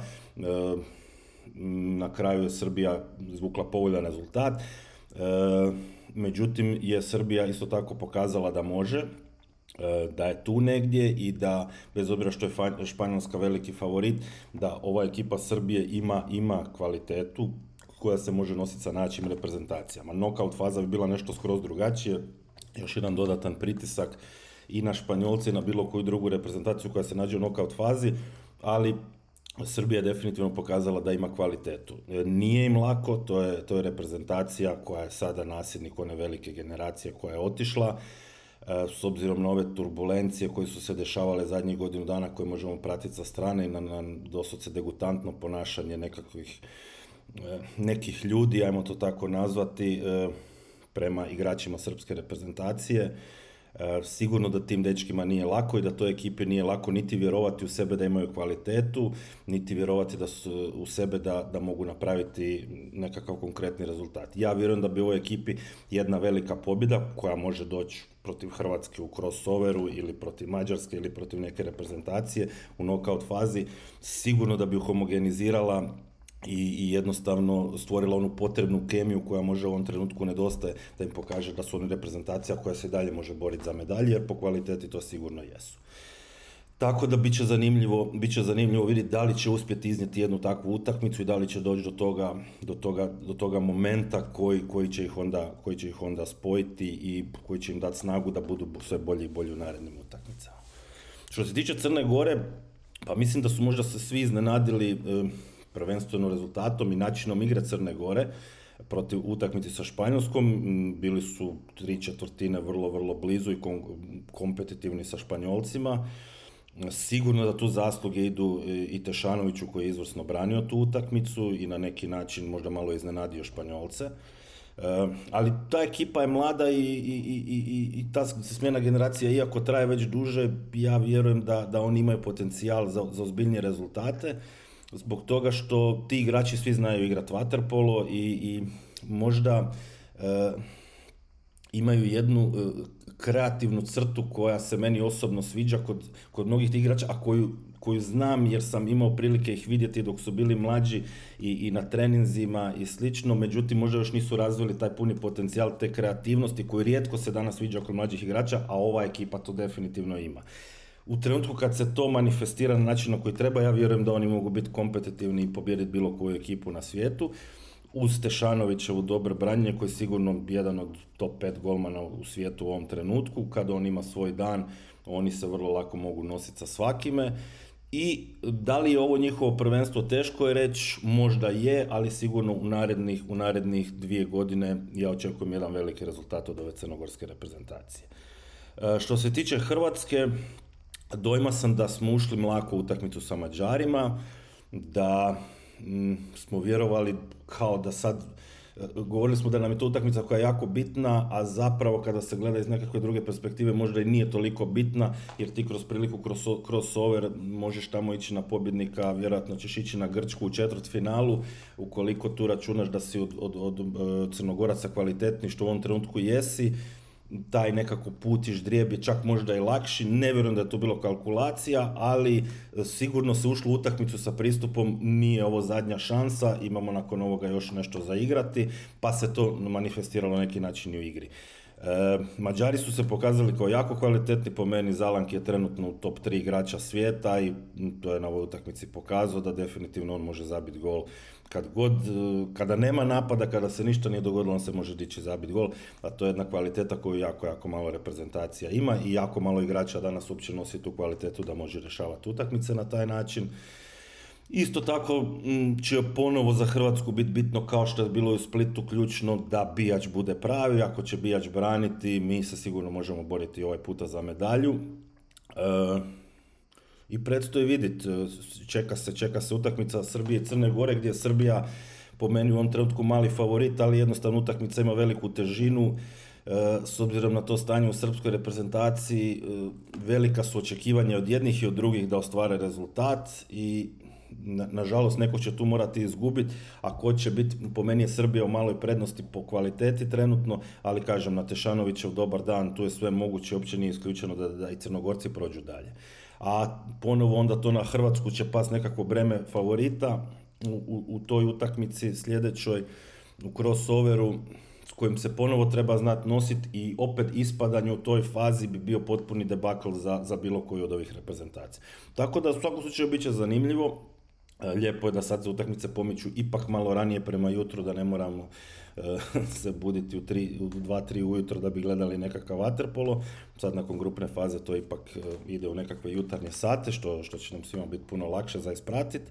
I eto, veselimo se, sigurno će biti dobrog vaterpola, gledamo izvrsne Španjolce, Talijani su jako, jako moćni, jedna reprezentacija koja ima veliku širinu, koja je trenutno možda na 20 i nešto igrača koji svi konkuriraju za, za, za 13 što je velika, velika snaga koju jako rijetko ko ima. Mađari se dižu, imaju Zalankija, tako da, eto, imat ćemo dobro Grci po meni, jedna strašno potentna momčad, možda u ovom trenutku mm, bi, bi im dobro došlo nekako drugo vodstvo. Trener je do sad radio izvrstan posao, ima rezultate iza sebe, ali vjerujem da bi ih trebalo malo prodrmati, jer ta kvaliteta koju imaju Grci, e, individualna, ja, ja ne vidim takav skup kvalitete niti u jednoj drugoj reprezentaciji, stvarno su i individualno izuzetno, izuzetno potentni, osim pozicije vratara, na svim ostalim pozicijama su strašno pokriveni i po meni bi oni trebali biti tu sami zbog Španjolskom, što trenutno nisu po igri. E, kažem, zanimljivo će biti prvenstvo do kraja, vidjet ćemo šta će se dešavati. U svakom slučaju neće nedostajati dobrog vaterpola, igra se dobar, lijep vaterpolo i možemo samo uživati u tome. E, što se tiče fantazija, e, pitanje za fantasy, da, igramo fantasy u organizaciji portala Danče HR, Drago mi da ste se i vi uključili i eto nas desetak kolega iz, iz, iz razno raznih tu regionalnih medija. E, sudjelujemo u tom fantaziju, jako je zanimljivo, diže utakmice na skroz drugi nivo kad imaš svog igrača koji je uključen u utakmicu, bez obzira ako završi 35-10, mm, puno, puno, puno si involviraniji u takvu utakmicu nego što bi bio jel, da, da nemaš svog igrača. Tako da fantasy je super i drago mi je da Aleksandra ovoga, trenutno loše stoji, pošto mi je uzela Granadosa kao prvi pik i nadam se ovoga da će dalje tamo pri začelju ovoga loviti, loviti mjesto za vas, a ja se nadam da će moja ekipa što bolje proći do kraja, ali u svakom slučaju dobro ćemo se zabaviti. E, toliko od mene, ekipa uživajte mi i nadam se da se vidimo uskoro. Ćao! Dobro, hoću prvo ja da odgovorim na ove prozivke. Ćao Marko, dobri naš, hvala. Ove, ovaj, e, prvo ovako, znači jedna prozivka za Marka, očekivali smo more neku u pozadini, s obzirom na to da si u Zadru. Ovaj, pa kad nam već priželjkuješ odmor, mogu si nam dati malo parče ovog, tog plavog mora da, da vidimo i mi. I apel za sve kolege koji se budu javljale u buduće iz Crne Gore i Hrvatske, znači samo neka je more u pozadini, to je prva stvar. A druga stvar, ovo za fantaziju, ako mogu da odgovorim, e, stvarno neverovatna jedna energija, atmosfera vlada u ovoj grupi na Whatsappu od kad smo ovaj, počeli ovo. Uh, nas desetak, rekao je Marko, trenutno je uh, naš tim koji se zove pod kapicom treći od pozadi, ali to je posle ovog drugog kola malo su se stvari zakomplikovale. posle prvog smo bili četvrti. Da. Tako da, ovaj, jako se, hoću da kažem, jako se lako menjaju stvari iz kola u kolo. Ovaj, uh, ja ne znam, da, bilo je... Verujem u tebe, Aleksandar. Imali smo zanimljive, zanimljive konci svaka čast kolegama koji e, vode celu statistiku, evidenciju, ceo draft su vodili. Ovaj, Marko je učestvovao u tome. E, neverovatno su ažurni. Znači, ako neko želi da ih iznajmi ovako kao ekipu i da ih plati, da im organizuje nekom takmičenju Fantasy ligu zvanično, slobodno to neka uradi. Bodovanje je vrlo pravično. Čućemo kasnije to kreatora. Ovaj. Jeste, i njega A. ćemo čuti. I ovaj, za sada, pa ne znam, najveća prozivka na moj račun je bila što nisam uzela srpskog kapitena, nego, ovaj, nego hrvatskog, ali majke mi imam argument. ovaj, pošto, se, pošto se igrači biraju onako kako bi inače trebalo u svakoj fantasy ligi da se bira po draftu. Dakle, kada jedan uh, učesnik lige uzme igrača, taj igrač više ne postoji u bazi. A ne ono kao sad svi imamo uh, Jakšu i svi imamo u ekipi ne znam koga. Da, da, da. Znači, nego kad ga neko uzme, to je to. Tako da ja nisam stigla uopšte da ovaj, uh, reagujem za, za Jakšića. Jakša, izvini, je da nisam htela. ovaj, tako da sam morala nekim okolnim putem, pa, pa su neki igrači tu I... zapali, a istina je da ove utakmice protiv Južne Afrike dobro dođu i kad igrate fantasy, makar zbog toga, mm. Aleksa ukropi na dva gola, tako da sve okej. Okay. Deki, znaš ko je imao najbolji u, u Tokiju, ko je imao najbolji učinak po fantasy ligi, znači broj asistencija, ukradenih lopti, broj golova, ko je imao najbolji koeficijent na kraju prvenstva? Pojma ne. Nikola Jakšić. Da. To smo Niko, dobili Nikola pre, Jakšić pre ove lige. Nikola. Jakšić je bio uh, u tim parametrima najkorisniji igrač olimpijskih igara u Tokiju. Ako je, je pravio to? Pa to, to je to je Danču radio, Danču to, da, da, ali smo uh mhm. -huh. radili smo fantasy, znači kroz kroz fantasy Jakša je doneo najviše poena, imao je to ja sam posle Jakše na kraju ovaj on je bio MVP po po po brojkama, znaš. Jer je jer je kompletna statistika je ovaj išla išla njemu na njemu na ruku. Tako da Mađa, Mađari imaju neku svoju statistiku, onaj waterpolo who. Mm -hmm. Tako da on kada daje utakmicu, on ti na kraju da ocenu igrača, ali ne znam koji su im parametri. To bi verovatno nešto podsjeća novu košarku, skok, odbrane i pa, tako da. da. Ukrade, ima, ima pozitivne imaju... učinke tako, i negativne da. i onda sve kad se spoji dođe yes. neki indeks kao tako, u tom yes. smislu. To, to recimo nije loše. Sećam da smo u sportskim novostima kad sam radio ocenjivali igrače. Mm -hmm Ali na kraju ispalo toliko smešno, niko od nas se nije bavio vaterpolom, nego smo gledali, ovaj dao pet gola, daj mu devetku. ovaj primio 13 gola, nula bre. Da. I Da, tako dalje. Dobro. Da, ovo je u svakom slučaju zabavno. Eto, to sam Da. htjela da kažem i, i hvala Marku i na, na analizi i na najavi. Stvarno zna da, da bude toliko uzbudljivo i zauzeto u toj grupi na, na Whatsappu da ja često, momci, izvinite, ali stavim to na mute da mogu da odmorim par sati. Čisto da znate. Dobro, ćemo ovo malo oko... Šta, kako ti vidiš neki ove, ove, Ovo što je Marko govorio. pa da, Hrvatska, Pa Hrvatska, ne mislim, Mađarska. ne mislim da sam slušao Marka. Bre. Da. Šalim se.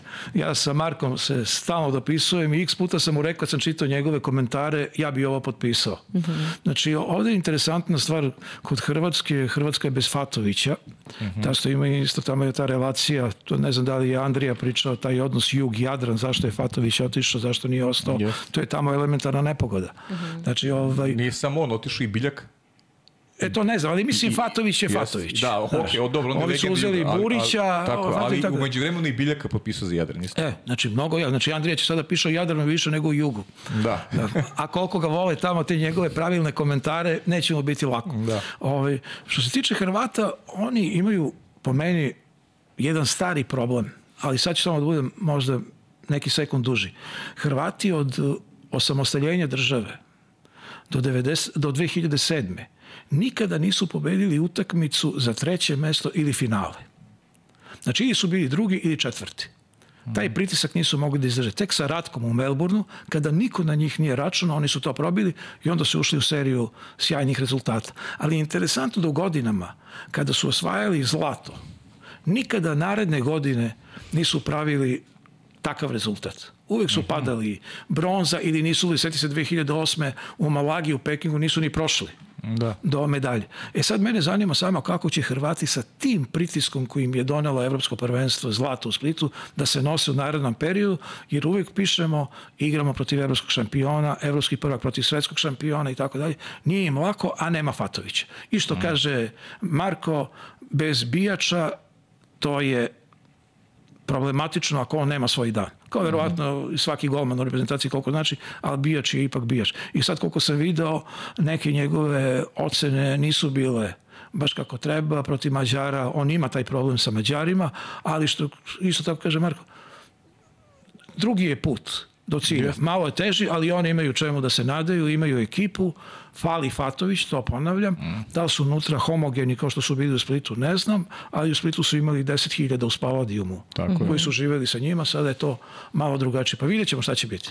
Da, u svakom slučaju će biti tih regionalnih derbija. Tako je. Lepe, kad si rekao, to je stvarno zanimljiv podatak i sad, ajde, sjetim se te, te 2017. godine, oni su prekinuli taj niz Srbije koje je Doduše tada igrao i Sandro Sukno, to je bilo Jest. yes. njegovo i posljednje. Na to je sigurno uticalo i na generaciju kasnije, taj rani odlazak Sandra Sukna, sad više nećem, 2018. oni nisu osvojili medalju, tako u Jesu, da su oni su bili, ja mislim, treći. Jel tako? Mislim Jesu, da su znači. bili treći, jer znam da smo bili u hotelu, sve ekipe koje su uzele medalju su bili u istom E, hotelu. onda, onda su, da, onda su bili treći, tako je. Bili ali treći. nisu ponavljali taj rezultat, teško su i držali taj pritisak. Mi smo ih u polufinalu u Barceloni Da. ovako dobili u jednoj kečarskoj utakmici da je Ćuk bio isključen, a dao tri gola za pet minuta. Bila je jedna specifična utakmica, ali nisu se pitali uopšte. E sad su prvaci Evrope po svemu što su prikazali i organizovali na jedan zaslužen način, mada ja ne mogu da zaboravim ono suđenje Da, da, sa sa Grcima, Grcima, jeste. ali nije, nije to sad ni bitno, to je uvijek domaćin, ima neku malu prednost i ne treba tome pridavati pažnju. Biće zanimljivo vidjeti ih, jer i njihov je glavni cilj ipak ovaj Pariz, a oni će sigurno tu proći. Da, da, dole, tu su i Mađari. Mađari su neko digli od tog, od Tako tog, je. od tog evropskog prvenstva. Jesu izgubili finale tada od, Da, od, da, od od Splita, da. ali, su, ali su se digli i to je dolazak, očigledan dolazak Žolta Varge. Tako je. Je, je učinio svoje, pritom iskreno ti kažem, gledao sam ono je, kako je lepo Ferenc Varoš napravio, onako bilo i dirljivo, onaj oproštaj Jeste. Žolta Varge i Žolt koji se posvetio sada vođenju reprezentacije. Očigledno da tu bilo nekog nisu verovali, nije bio dobar odnos bivšeg selektora, oni su dežili debat na svetskom prvenstvu u. Budimpešti, ali su se digli i možemo da ih svrstamo u, u grupu favorite za osvajanje ovde, čak i Tako svetske titule. Ali, ali ti znaš, ovaj, pa bili smo zajedno, mislim, ne znam, u Budimpešti. Jest, jest. Ma, Marci je bio viđen već posle četvrt finala da odlazi, Da odlazi, da. i svuda se pojavljivao ovaj Varga stariji Mhm. sa laptopom, sa, on je bio predviđen za to Mhm. jer je Žolt navodno svoj eglav tip. I on kaže, ja radim kako znam i to je tako. Meni je Boban Nikić pričao za njega, to je čudo. On kad je došao, nama je dovoljno da se setimo naše utakmice sa njima u Splitu, oni se dižu, Ferenc Varoš je bio ozbiljna ekipa s njim, prvak Evrope s njim, ozbiljan stručnjak, Mađarska je zemlja Waterpola, ima igrača koliko hoćeš, prema tome sigurno su po meni u tri. Uh -huh. Španija, Italija i oni. Uh -huh. Eto. Da, slažem Ali stvarno dugo nismo videli ovaj podršku jednom treneru onakvu i generalno ajde da malo se ostranemo Pa na da, tu žol, pa strastvenost. Žolta ćemo zvati, ja sam sa Žoltom i pričao, Žolt koji, koji, ajde da kažem, i, go, i govori, on je naučio jezik u, u Zagreb, igrao je, igrao je za, Da. za mladost i ovaj, Neverovatna energija zaista čoveka Da. na, na, na klupi i koliko toga može da promeni i da pokrene. Tako da Jeste, nije ovo jeste. slučajno sa, sa Pa sigurno da nije, a pritom imaju, što kaže Marko, ja se slažem s njim, Zalanki sigurno jeste u, Mm. u top 3 igrača na svetu. I, igraju Ali imaju i. Deneša koji prima sve. Koji je i neki Deneša, perone tako u tom fazonu, ne toliko Da. atraktivan, ambić, ali prima sve Mhm. organizacije E, mi imamo. Deneša u timu, samo da znaš. Da, da, znam. E pa eto. ovaj, da, a, fantasy. Hrvat, da, Hrvatima sledi Japan. One o, ko, o kom smo pričali. To ćemo, to, to, to, to se gleda obavezno. Ta utakmica se gleda obavezno, jer, jer mm, Japan, kažem, to je ono, ono što to smo rekli, ovaj, ne, neće biti lako sigurno, ali i dalje mislim da te, te jake evropske sile, a to jesu i Hrvatska i, i, Srbija i, i, i Mađarska koja je to već odradila, da prosto moraju pobede Japanci. To je, znaš, Samo je pitanje šta Tuca hoće. pitanje, e, e sad tako je, pošto za... Ali da ne ulazimo u to, sećamo se Rija. Sećamo on je se. to meni priznao, svima je priznao da je kalkulisao. Šta sad on hoće, da li hoće, znaće rezultat Srbija, Crna Gora, Znaće. znaće put Tako koji je je. dalje. Tako da, mislim ipak da će Hrvati ići to da dobiju glat. I ja isto mislim da će ići dobio isto. I mislim da, da, da, da i generalno Tucak baš zbog toga jeste priznao i pričao o tome otvoreno Ivica. Ovaj, malo se to negde i obilo ovaj, u glavu, nije baš dobar put, mislim da neće ovaj, kalkulisati. Jer ti kad pogledaš sada, znaš, ovaj, gledaš malo i ka četvrtfinalu, ja zato i gledam gledam sad iz, iz perspektive iz Srbije, znaš, taj put preko, preko Japana mi je onako interesantan potencijalno za te momke. Prvo to samopouzdanje, koje je jako važno za pobedu, a onda mislim da preko Japana kasnije potencijalno ukrštanje sa Dejanovom Amerikom. Amerikom. Znaš, to možda bude, odigli su sjajnu utakmicu u Los Angeles te prve tri četvrtine, ok, pad u četvrtoj, ali opet, kao što je Deki pričao, kao što je Hrvatska imala vetar u leđe sa tom Grčkom, tako i su imali i Amerikanci malo vetar u leđe u toj četvrtoj četvrtini. U krajnjem slučaju, Srbija drugo po vreme sa Amerikom imala samo jednog igrača više. Da. I o tome se nije pričalo nigde. Nego se gleda rezultat 4-0. Ti imaš jednog igrača više u celo drugo po vreme. Mislim, to je malo, Tako nije, je. nije, nije, nije, nije realno. Ali okej, to su te stvari, znaš, ti mora da se izboriš sa tim. I ova generacija prethodno imala mnogo tih bočnih vetrova, pa je ono što je i Deki pričao, znaš, vežba je pred ogledalom, kako da, da odćuti, da ne reaguje na sudijske odluke, da nauči igrače da ne reaguju ni oni, znaš, to, su- to je sve proces. I to mora da se, to mora i trener da radi, to mora i igrači da rade, to sve negde ti pređu te neke rutine koje, koje vežbaš, koje učiš, pređu ti u naviku i ti se izoluješ, mora da se izoluješ od onoga što, što se dešava okolo. Jer uvek domaćin, uvek domaćin ima tu, tu malu podršku, vetar u leđa i to je nešto sa čim treba da živiš i mora da se ovaj, mora da, da, da nađeš put kako ćeš to da savladaš. Pa seti se u ostalom, setimo se svi zajedno uh, Tokija i polufinala sa Španijom. I ono gola. Koji nije bio gol. I reakcije ekipe na to. Jer utisak je bio, makar moj, da ne bi dali Španci gola sigurno još dva dana. Pa dobro, da, sve je to put. Opet Da. se vraćamo na to. Uh, hoćemo da čujemo i, i drugu kolegu. Ajmo da čujemo Andriju, ajde. Da, izvini, mikser, što prekidamo. Pozdrav svima iz Dubrovnika. E, Počeo bi s Aleksandrom koja igra s nama naš dančarski vaterpolski fantazi tijekom ovog svjetskog prvenstva. Također Dekiju koji je moj već dugogodišnji prijatelj i tebi Pavle također. Pa evo, na početku bi se ispričao što ne izgledam baš najreprezentativnije što je i očekivano s obzirom na sve obveze koje imam, a i na to da se svjetsko prvenstvo igra po cijele noći, tako da nema baš previše vremena za spavanje uz, uz praćenje utakmica, fantaziji i sve ostale, sve ostale stvari koje prate ovo svjetsko prvenstvo. Pa evo, za početak bi krenuo sa analizom utakmice Hrvatske protiv Mađarske koja je odigrana u drugom kolu gdje su Mađari pokazali da su u ovom trenutku ipak ne baš za nijansu nego ovako malo i više bolji od nas. Od početka su poveli, držali su tu prednost i lakoćom su, lakoćom su kontrolirali cijelu utakmicu, U najavi utakmice pričao sam s Jokovićem koji je najavio da će biti dva ključna detalja. Jedan detalj je bio vanjska linija Mađarske, a drugi je igrač više Hrvatske. To se i pokazalo kao ključno, odnosno vanjska linija gdje je Gergo Zalanki preuzeo sve ovlasti u igri mađarske reprezentacije i svu pažnju obrane protivnika, pa tako i Hrvatske privlači na sebe osim četiri te asistencije koje je upisao, tri gola od kojih su dva ipak pala na samom kraju kada je već sve bilo riješeno, svaki put je lopta u njega i on navlači tu obranu tako na način da uvijek čak i sa igračem eh, manje jedan igrač izlazi na njega na 5 metara, tako da ostatak momčadi ostaje u situacijama 5 na 4, što se i realiziralo sa čak tri realizacije sa lijevog vanjskog nakon što bio on na taj način izvukao jednog obrambenog igrača. S druge strane, igra Hrvatske s igračem više je bila poprilično loša jako loša realizacija, jer samo četiri gola, od kojih jedan na kraju, kada je već sve bilo riješeno, dva su bila kad se mađarska obrana još nije stigla postaviti, kad bi se isključen igrač već vraćao. Čak devet puta smo pokušavali akcije na stative, što nam je donijelo i europski naslov u Splitu, gdje smo to izvrsno radili, poglavito preko Burića, ali i preko ostalih, ali ovaj put je dosta često bilo to i forsirano, tako da su tri dodavanja na stativu bila baš ono u situacijama kad taj igrač na stativi nije mogao ništa ozbiljnije, ozbiljnije učiniti.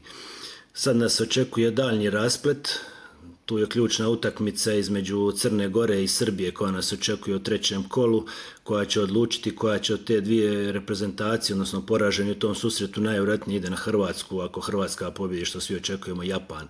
Tako da ćemo već u osmini finala imati jednu jako zanimljivu utakmicu dvije reprezentacije s ovih naših s ovih naših prostora. U toj utakmici očekujem laganu prednost za Srbiju koja jest pomlađena na ovom svjetskom prvenstvu sa dosta debitanata, sa dosta tih svojih unutrašnjih problema koji su se manifestirali kroz te odnose koji se događaju u srpskom vaterpolu kroz čitavu sezonu ali u toj utakmici ipak je prednost na strani Srbije jer Crna Gora je u jednom konstantnom procesu pomlađivanja koji traje već predugo godinama, godinama stalno mijenjaju te mlade igrače koje odlučuju forsirati, nikako da se odluče za neku grot reprezentacije koja bi, koja bi iznijela neki naredni period, a i još nisu uspjeli stvoriti nekog nositelja igre, nekog klasnog igrača koji bi uskočio u, u ulogu Ivovića, Draška Brguljana i ostalih koji su prije, prije nosili tu igru. S druge strane, Srbija ima i Jakšića, ima Rašovića koji će sigurno, sigurno znati preuzeti teret odgovornosti na sebe i, i u ovoj utakmici. Ha, od ostalih utakmica istaknuo bi da su se ovi najveći favoriti i pokazali da su zasluženo proglašeni za favorite. Španjolska je lakše, možda čak i od očekivanog ili baš onako kao smo i očekivali, ali što rezultati ne pokazuje baš najbolje. Pobjedla i Srbiju i Crnu Goru, plovi dalje prema četvrtfinalu gdje će gdje će vjerojatno očekivati Francuska, tako da će imati nešto lakšeg protivnika za ulazak u, u polufinale. Također Italijani su te Francuze uspjeli slomiti u drugom poluvremenu, taj svoj ritam igranja su držali na istom nivou, dok se samo čekao trenutak kad Francuzi to više neće moći pratiti. Tako da su oni uz Mađare te tri reprezentacije su se i, i, i u najavi očekivale kao, kao favoriti i to su, to su za sad i ostvarili. Danču. Precizan uvek. Pa da. Dejan Savić jednom rekao da bi Danča to uzeo u stručni štab. Uh mhm. -huh. Da može zbog ovih njegovih analiza, tako da tu nema šta se doda. Sve što je rekao, apsolutno tačno, do detalja precizno. On je jedan vaterpolo znalac i što je važnije, on je jedan vaterpolo fanatik, tako uh -huh. da mhm. ti njegovi tekstovi na Danče HR su prava poslastica za sve one koji vole vaterpolo i ovo je bilo stvarno stvarno briljantno. Jeste. I Danče, da, da kažem, s gledalcima, Danče će biti gost podcasta prvom priliku kad bude dolazio, došao iz Šibenika ovde, a dogovorili smo se da o, javiće, javiće na vreme, planira sigurno da dođe, tako da, tako da ćemo imati veliko zadovoljstvo da ga ugustimo ovde i da, i da ovaj, podelimo sa njim koje kakve impresije ovaj, i sveta vatrpala.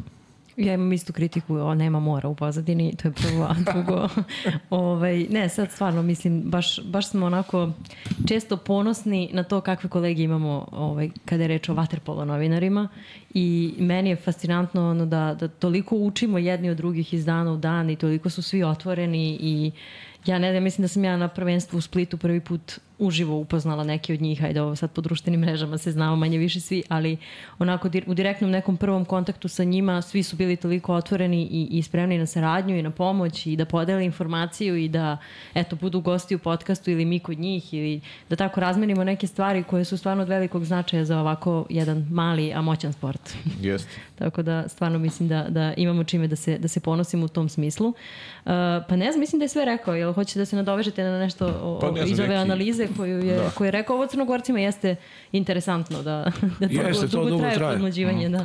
Pa Gojkovićevo uzimanje Averke u reprezentaciju je pre godinu dve izazvalo pravi zemljotres do Aha. A oni su takvi. Tako da, ovaj, ali mislim da je sad ova ta ekipa Crne Gore na jednom, da kažem, korektnom putu i sad je samo pitanje hoće li da ovaj, dugo traje vlada. Jest. Na tom mesu od 2016. mislim. Uh -huh. I ovde imamo jednu seriju dugovečnih trenera. Kampanja od 2009. Vlahos od 2014. 15. Mm -hmm. Tucak 2013. Baš svi dugo traju. Mm -hmm. Varga i naš Stevanović su Novi, da. sa najkraćim stažem. Mhm. Varga ima nekih pola godine, Kembe sada tu, mhm. -huh. pa ćemo da vidimo kako i to funkcioniše. Možda je ova Uh, Štefanek je, mislim, to rekao sjajnu varijantu. Da li Grcima treba malo neka sveža mm -hmm. krv na klupi ako je imaju uopšte? A Vlahos je ostavio Olimpijakos da bi se posvetio samo reprezentaciji da. i ne zaboravimo da Grci igraju bez Lahopolosa. Yes. Da. I sad ljudi mogu da misle svako ima svoj ukus, ali za mene no, igra Novog Beograda zavisi pre svega od igre Vlahopolosa. Mm -hmm. Svaka čast i Mandi, i Jakši, i Granadosu, ali ako ovaj Grk mali ne igra, ne uključi svoj mozak, onda Novi Beograd pada. Mm. Pa da, to može se odrezi na, na, na grčki tim. Ovdje, ja nisam, nisam pratio zašto ne igra, sad sam video da je dao jedan veliki intervju za grčki jedan portal, ali na grčkom, tako da to prevedem, treba mi vremena. Pa ja, ja, ja znam, da, ja znam zbog čega, ali, ali privatni privatni, su razlozi. pa dobro. Ne, ne, onda, znači, ne, ne bih da pričam o tome, okay. privatni su da, razlozi. Sve, da. Onda treba znači, to ispoštovati, Grci mm. imaju odličan tim.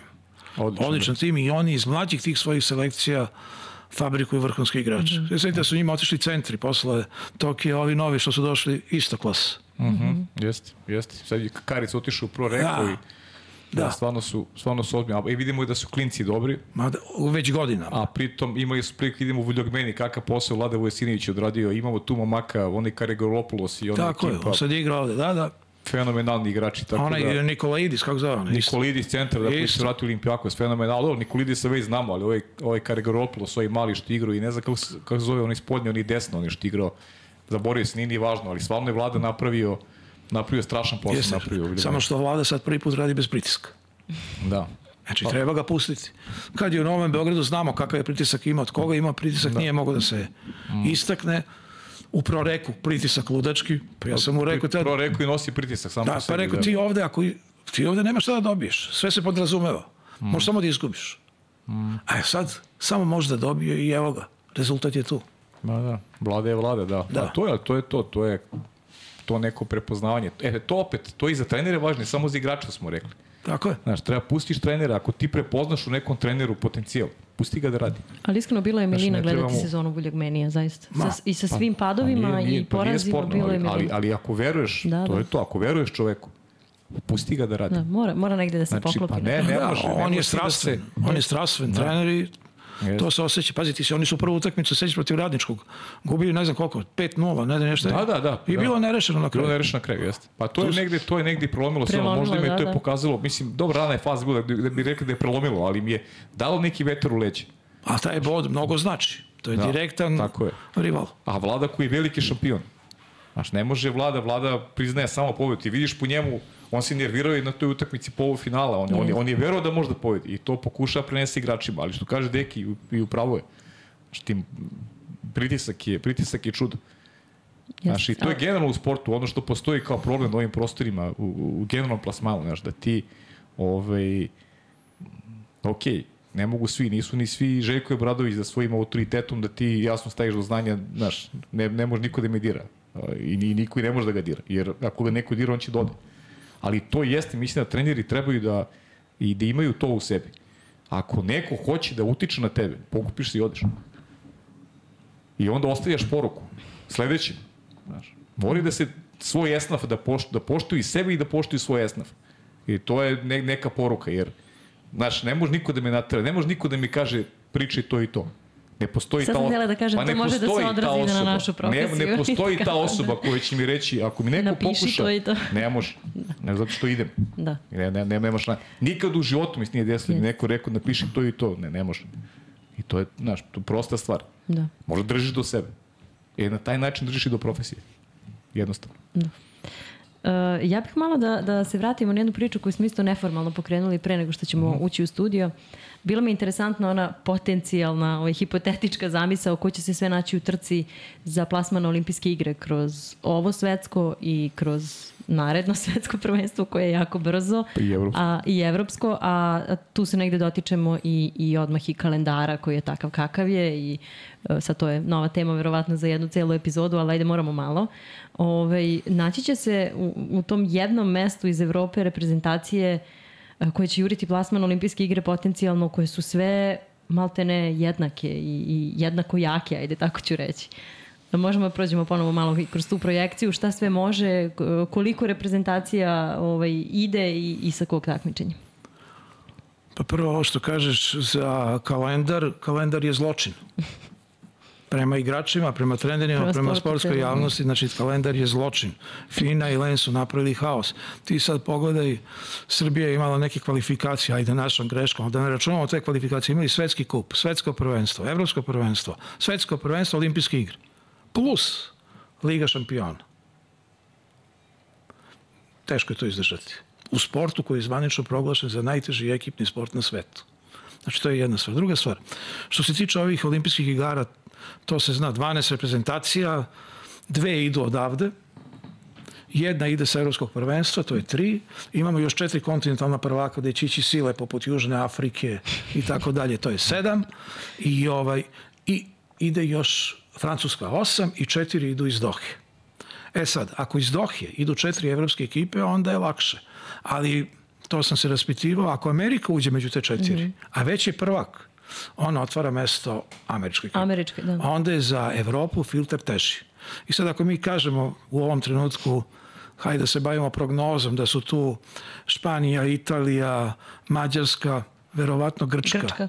sigurni, za ove ostala mesta se bore Hrvatska. Balkanske zemlje, Hrvatska, Srbija, Crna Gora, plus neka Gruzija, plus ne znam nija ko koji može da poremeti i to će biti jako teško. Uh -huh. A za Srbiju bi izostanak sa olimpijskih igara bio kako bih ti rekao imao bi nesagledive posledice uh -huh. po budućnost vaterpola. Zato neće biti lako i pamet u glavu treba da imamo. Uh -huh. Deki, pa može Amerika da bude sad u finalu. Može, sve može, ali vuče. Slučaj. Ne, ali, ali, opet ista priča, da. znaš, opet, opet vuče to sa sobom. Ti već Može, ali možda dobro. dođeš u težu poziciju. ja nisam siguran da Amerika može da uđe među četiri. Uh -huh. Ja samo dajem najgoru kombinaciju. Da, da. Ja preverujem da ćemo mi ući na među četiri u Dohi uh -huh. ili tu negde blizu, da ćemo se tako bezbediti. Ali kažem, potencijalna opasnost koja postoji je sa Amerikom u polufinalu. Da. Pa dobro, Znači, mislim da... Mhm, ajde. Ajde. Ceniš znači da, da ne odlazak u, u, u, u Pariz može da vuče onako posljedice Pa, ja, ozbiljnije možda nego što mislimo. pa mislim da da bi to na položaj vaterpola u srpskoj javnosti imao veliki udarac. To je jedna stvar i mislim... Položaj je onako loš, svakako. Pa dobro, ali, ali, su medalje, ali su medalje nešto pokrivale. Sad ako nema medalja i onako ide jedna glupa priča, vaterpolo igraju pet zemalja na svetu, Da, i e sad ako mi tu nismo, Da. to nema šta da se, da se radi. Ali mislim isto tako da mi već sada, a pretpostavljam da Stevanović i to društvo koje vodi račun o reprezentaciji imaju na papiru spisak za Los Angeles i da bi te pripreme, te reprezentacije morale da idu paralelno sa pripremama ekipe koje će ići u Pariz. Jer nas očekuje posle Pariza još jedna smena. Sigurno. Da.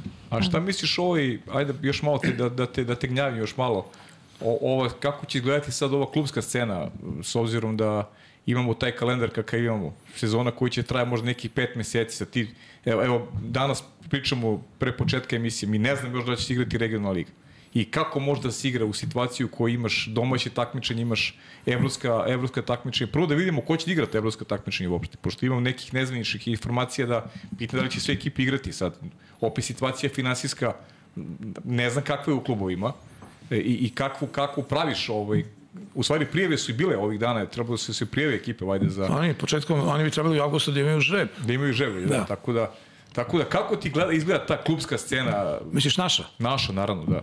Pa ne, naša klubska scena je ovaj, pravi se kroz kvalitet jednog kluba koji je apsolutno dominantan. Tu Novi Beograd, ne znam, ko može da, da im ovaj, parira. Imamo Crvenu zvezdu koja je to bila druga, ona trenutno ima dva pojačanja, ali je otišao mali Tankosić. Zvezda teško da može nešto bolje, sem ako nešto ne izbunari neka dva, tri igrača, ali ne može objektivno da ugrozi ovaj tim Nove Beograde će biti Filip Ćuk, Dule Pjetlović, Ako bude italijanski igrao dole, da. ako bude igrao italijanski golman Da. i tako dalje, Radulović, Lukić, znači sve tako, radnički se potpuno resetuje. On je doveo valjda dva Gruzica, Ranđića, Jeste, ne znam ko je, Lazar Vičković. e, Vičkovića malo, Partizan koji raste sa tim klincima, ali Partizan mora da ima 3-4 ozbiljne igrača, iskusna, da bi ta ekipa dala rezultat. Mislim da će biti interesantan je Šabac, Šabac, da. ali ne u smislu da može da ugrozi nekoga. On se samo ovaj, razvija i svu snagu daje na igrače koji su u mlađim kategorijama. E sad, dok će to dobaciti, ne znam. Objektivno mislim da će sav kvalitet biti na Novom Beogradu koji će igrati tu Ligu šampiona, a da će ovi naši evropljani koji se budu opredelili i našli neki interes se više orijentisati na Evrokup. Da, pa i realnije je da dođeš do nekog rezultata Tako kroz je. Evrokupa. Pogotovo tu ciljem na, na, na Crvenu zvezdu.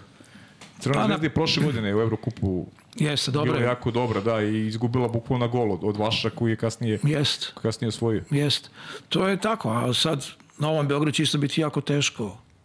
Imao je dve šanse kod kuće da uradi. Prva je bila realnija, jer je imao finalnu utakmicu dobijenu praktično, ova druga ogromna je razlika bila. Sad gde će biti to Final Four sada, mislim da su šanse Novog Beograda za uspehom manje nego što su bile ove i prošle godine. To je zanimljivo, to je sam Kubešek priča, to je interesantan pogled, da će generalno klubovima iz regiona biti teže da, da dođu do Final, four, final Fora. Final Eight je nešto što im je onako bilo dostupnije. Ući među četiri najbolje ekipe Evrope je, je jako teško, mada Jadran ne znam, možda čak i Jadran sada kako se pojačao deluje onako prilično ozbiljno. Oni su e, Rino, odlazak Rina Burića je sigurno hendikep, a, ali, ali su se pojačali sa Rinom Burićem, to je ekipa koja Da, da. mogu Ozbiljna napadne- ekipa. Da, ide, ide, na, ide na Final Four, ono, gotovo izvesno. Pa dobro, ali ti imaš Olimpijakos, imaš Mađare, imaš Proreko, ko će još da prođe tu Breša, na primjer. Jako će teško biti Da. ući u Pa četiri. Breša, Breša će biti, Breša je slabija nego prethodne godine, definitivno. Breša se baš, baš se ovaj Ali slabije. je, ali je drugi sistem. Znaš, ne moraš da se boriš kroz 14 utakmica, boriš se kroz manje utakmica, tako da lakše možeš da tempiraš. Ali nije, ja govorim o Breši kao italijanima. Znaš, to, te zemlje koje sada vladaju svetskim vaterpolom su dominantni i klubski. Novi Beograd može, ali Novi Beograd neće imati pripremu kod kuće. Te, sve druge ekipe imaju relativno korektne lige. Novi Beograd neće imati adekvatno krivala ovde. E, to ste ja tebi, si čuo za priču da, da bi Bovo mogao da nasledi kampanju posle, posle Pariza?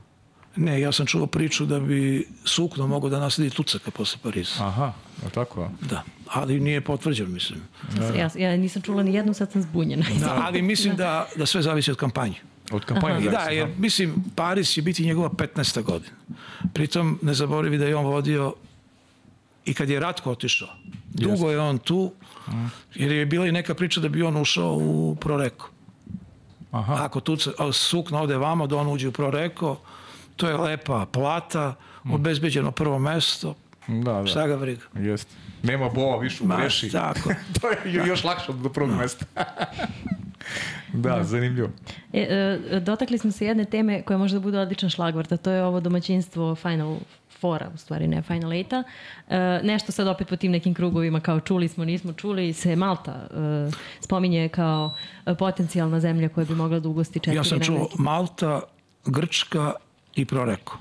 Ali ja sam čula da je Malta najbliža jer se možda Len polako opredeljuje da to bude neutralno u smislu da ni jedan klub koji će učestvovati ne bude iz zemlje gde se igra. Ali stvara drugi problem. Mm -hmm. Što mislim da se na, na Malti ne bi osetilo. Uh, tribine. Mm -hmm. Navijači na tribinama. Mm -hmm. Kada nemaš domaćeg kluba... Istina, da interesovanje ti nije tako da se napravi neka Apsolutno, atmosfera. Apsolutno šta bi Olimpijakos mogao da uradi Pa, na primjer, ili, u, u svom gradu. Dobro, Novi Beograd nema uh mhm, -huh, navijače zbog svoje tradicije, uh Mhm. -huh. ali su tribine bile pune i to je lep utisak, to da. je vaterpol u Srbiji. Jeste, jeste. Ja sam bio na Malti, ne znam kad.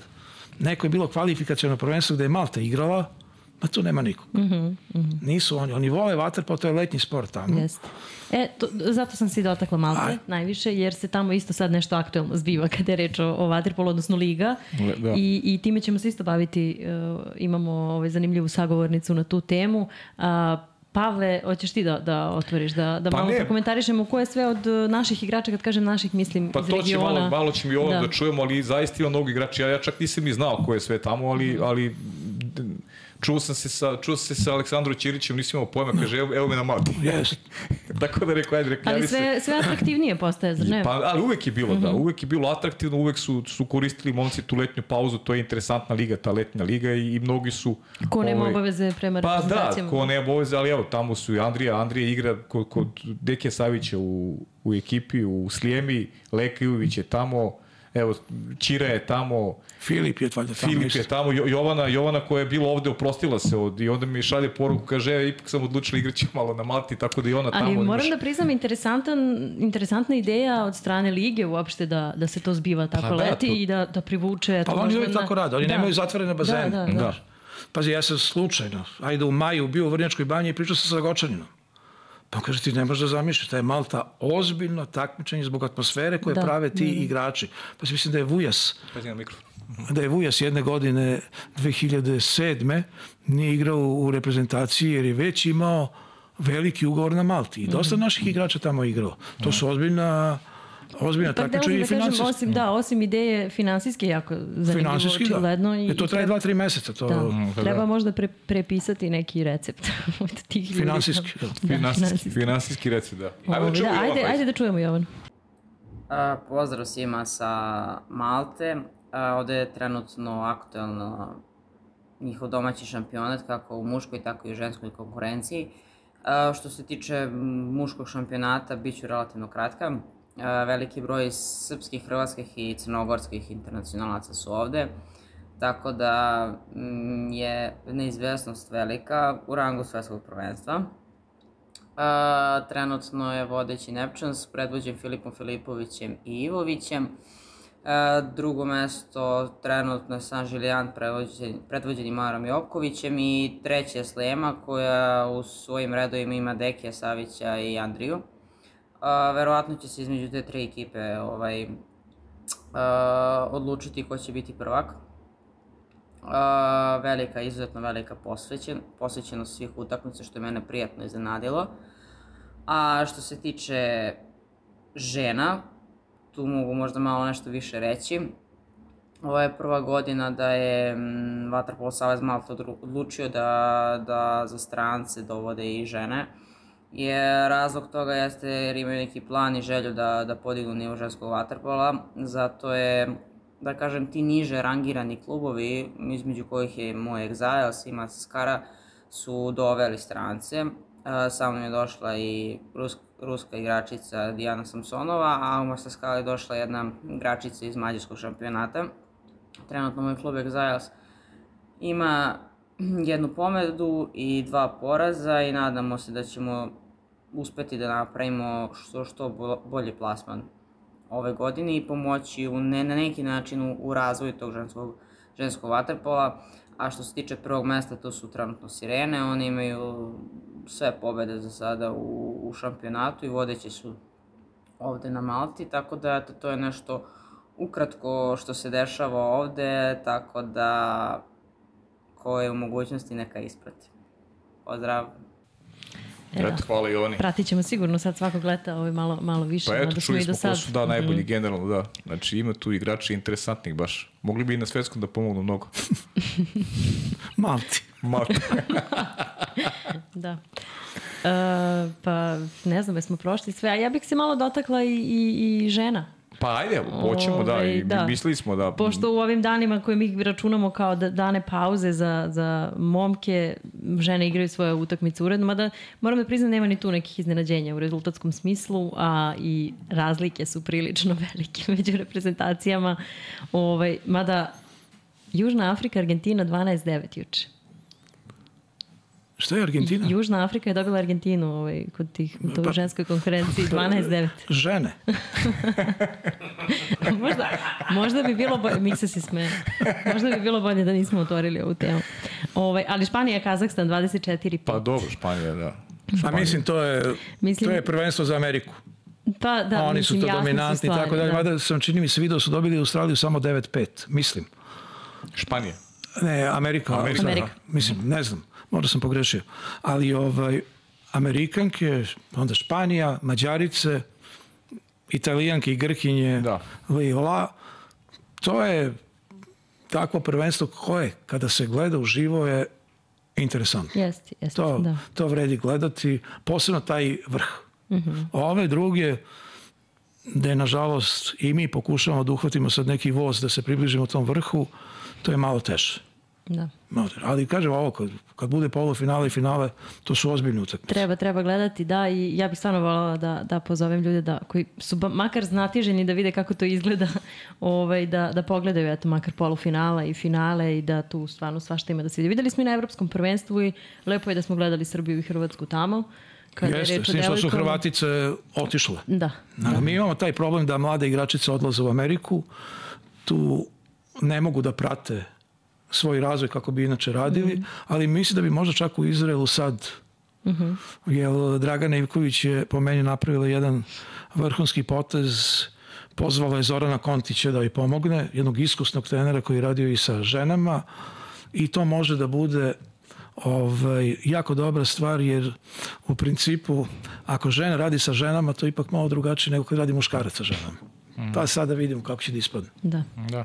Imali su dobri kritika ovaj devojke u tom Yes. nekom ranijoj fazi kada su trenirale upravo kada su ih vodili ovaj ti muški treneri tako da treba se napraviti nešto treba im omogućiti jer ima ima ambicioznih devojka devojaka evo ne znam da si video prošle nedelje je Ana, bila da. Ana bila sa sa ne znam oduševio sam se sa Ana, sa stavom Ana, i Ana je čudo. E sad ne znam šta je ona pričala, nisam gledao. pa da ne znaš šta je rekla rekla je da je nije cilj da bude najbolji u Italiji nego bude najbolji igračica na svetu Pa dobro sad. Pa ne ali znaš, Ajde nekad da damo podršku, ali ona je iz uh, vaterpola porodice.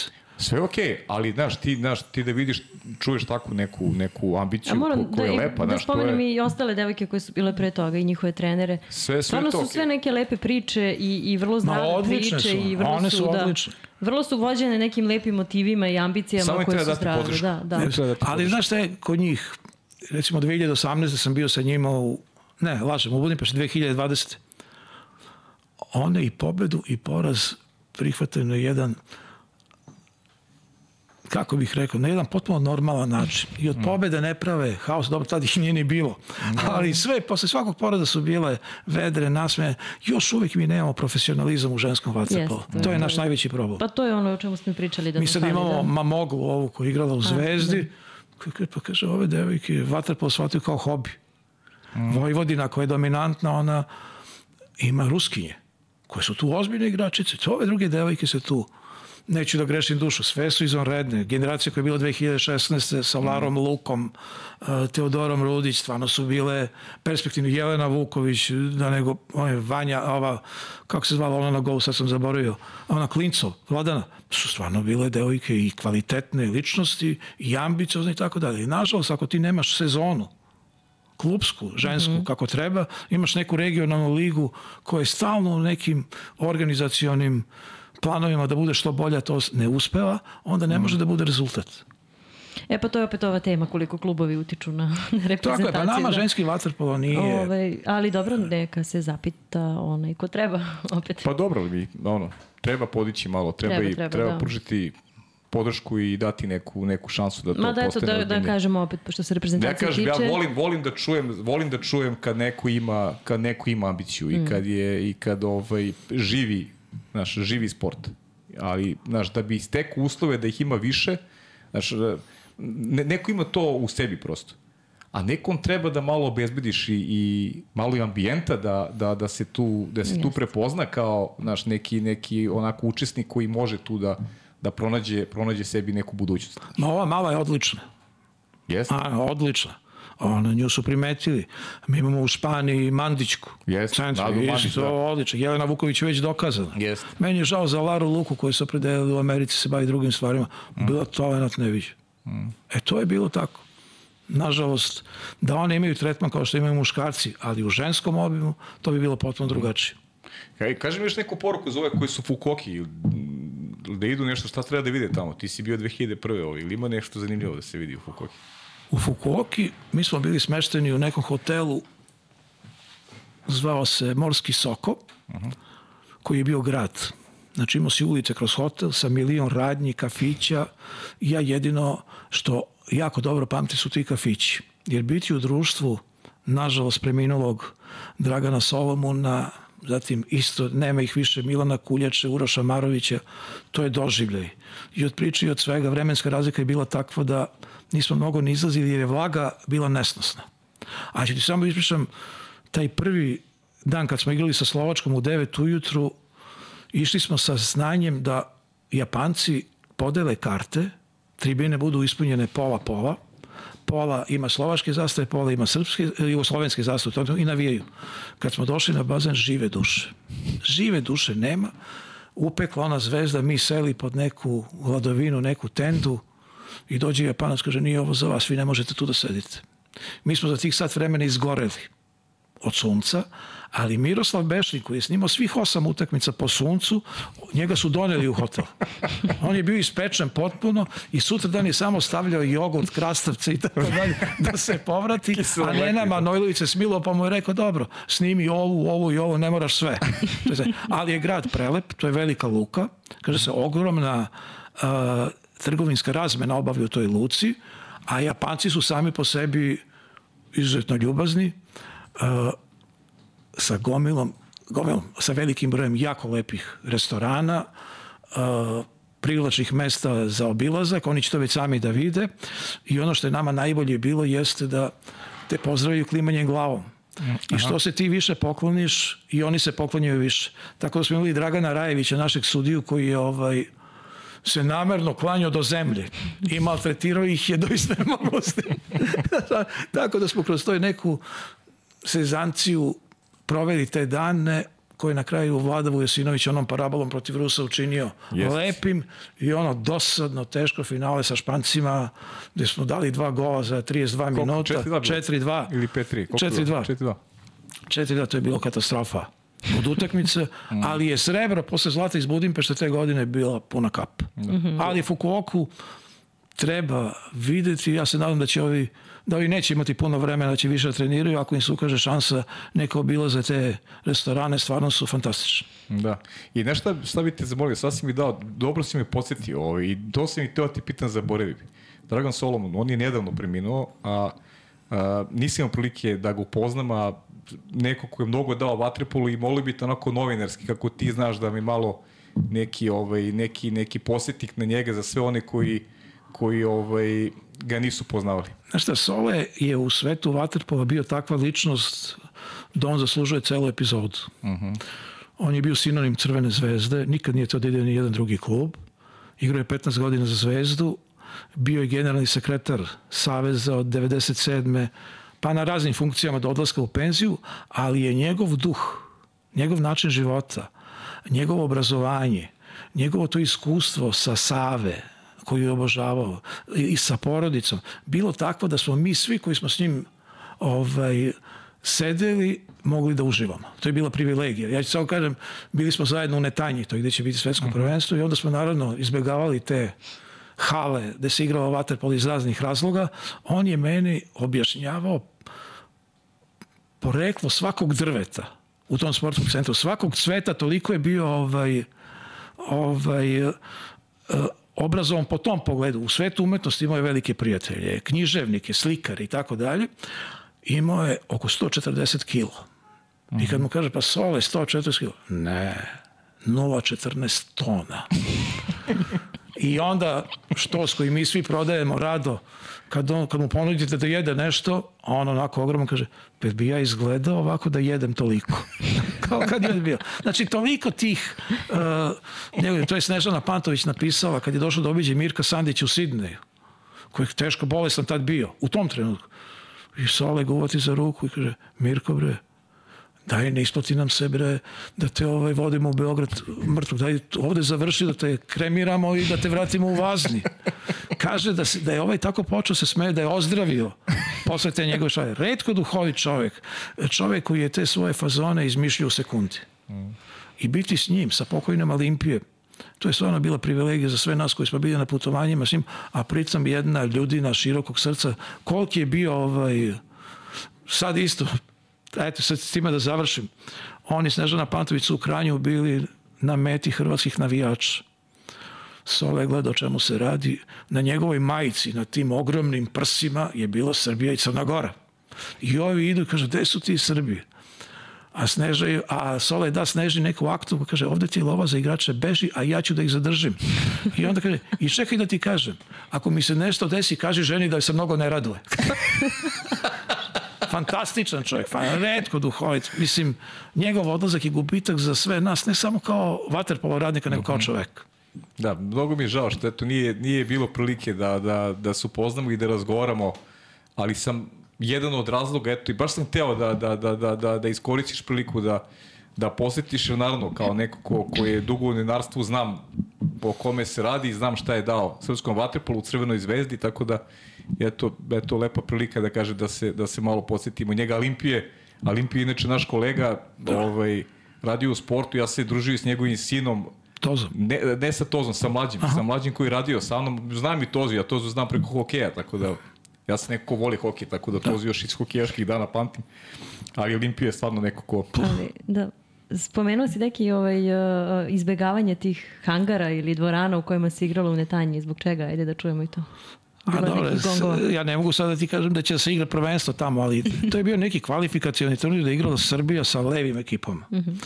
I sad Izraelci da naprave da to bude spektakl, igrali smo u nekom hangaru, u nekom sportskom centru sa nekim limenim krovovima i oni sad u da bude sve na visokom nivou, svaki gol su obeležavali kao kad se obeležava gong u ringu za kraj runde. Znači neki jeziv udarac. E sad kad je rezultat 22-6 ili 24-9 i kad 33 puta čuješ taj gong, tebi glava bridi. I onda smo mi na kraju treće kolo napolju sedeli i po gongu razlučivali kakav rezultat i uzimali zapisnik s ali je bilo stvarno mukotrpno za uši. Baš neprijatno. E sad će biti to drugačije, oni prave bazen, bit će to tip top. Da. To je najava za sledeću godinu, za, za evropsko prvenstvo. E pa da, imamo pa, evropsko. Eto, Božić ćeš tamo da proslaviš. Se spremaš? Hm? Pa vidjet ćemo. Ja. Hm? Pa bilo bi lepo da radimo podcast od Ante. pa dobro, što da ne? To je lepo Pa Nemanja će valjda da gleda ovo. Pa. Da. da. Početak je godine, para ima, nek se otvori. Slušajte, toliko smo ljudi prozvali u ovom podcastu da ja ne znam šta će biti ako svi oni gledaju. Da, da. A nismo rekli neistinu. Pa a, rekli, da, da, to je najbitnije. Tako je. Da, jesmo nešto bitno propustili. Pa nismo jednom ja... deki, ako ima nešto još da doda ovaj, ne Pa ne, samo za ovaj honorar, ništa nismo da. to ćemo se dogovoriti. Da, ajde, prihvat. Da. Zadovoljstvo je bilo, kao i uvek.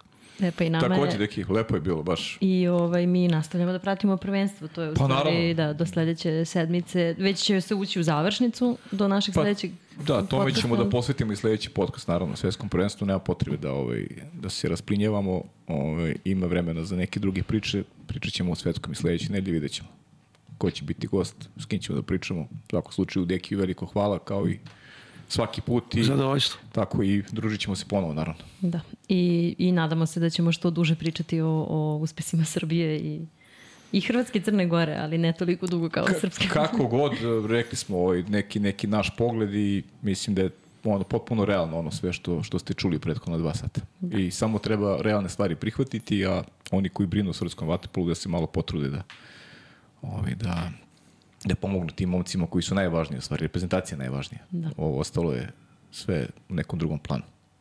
Da, hvala vama dvojici, ja sam uživala i hvala vama što ste, što ste bili ove sedmice uh, sa nama. Pratite naravno uh, i uh, narednih sedam dana svetsko prvenstvo u Waterpolu, odnosno u vodenim sportovima, ali mi ćemo se najviše baviti Waterpolom i eto, budite spremni za sve ono što, što nas očekuje do sledećeg četvrtka. Time ćemo se najpre baviti i bavit ćemo se naravno Fantasy ligom novinara iz regiona. To, to će biti posebno zanimljivo do sledećeg četvrtka. Hvala što ste bili sa nama. Sve što ste propustili do sada možete naravno naći na našem YouTube kanalu i na YouTube kanalu Infinity Lighthouse-a. Hvala i pozdrav, vidimo se sledeće nedelje.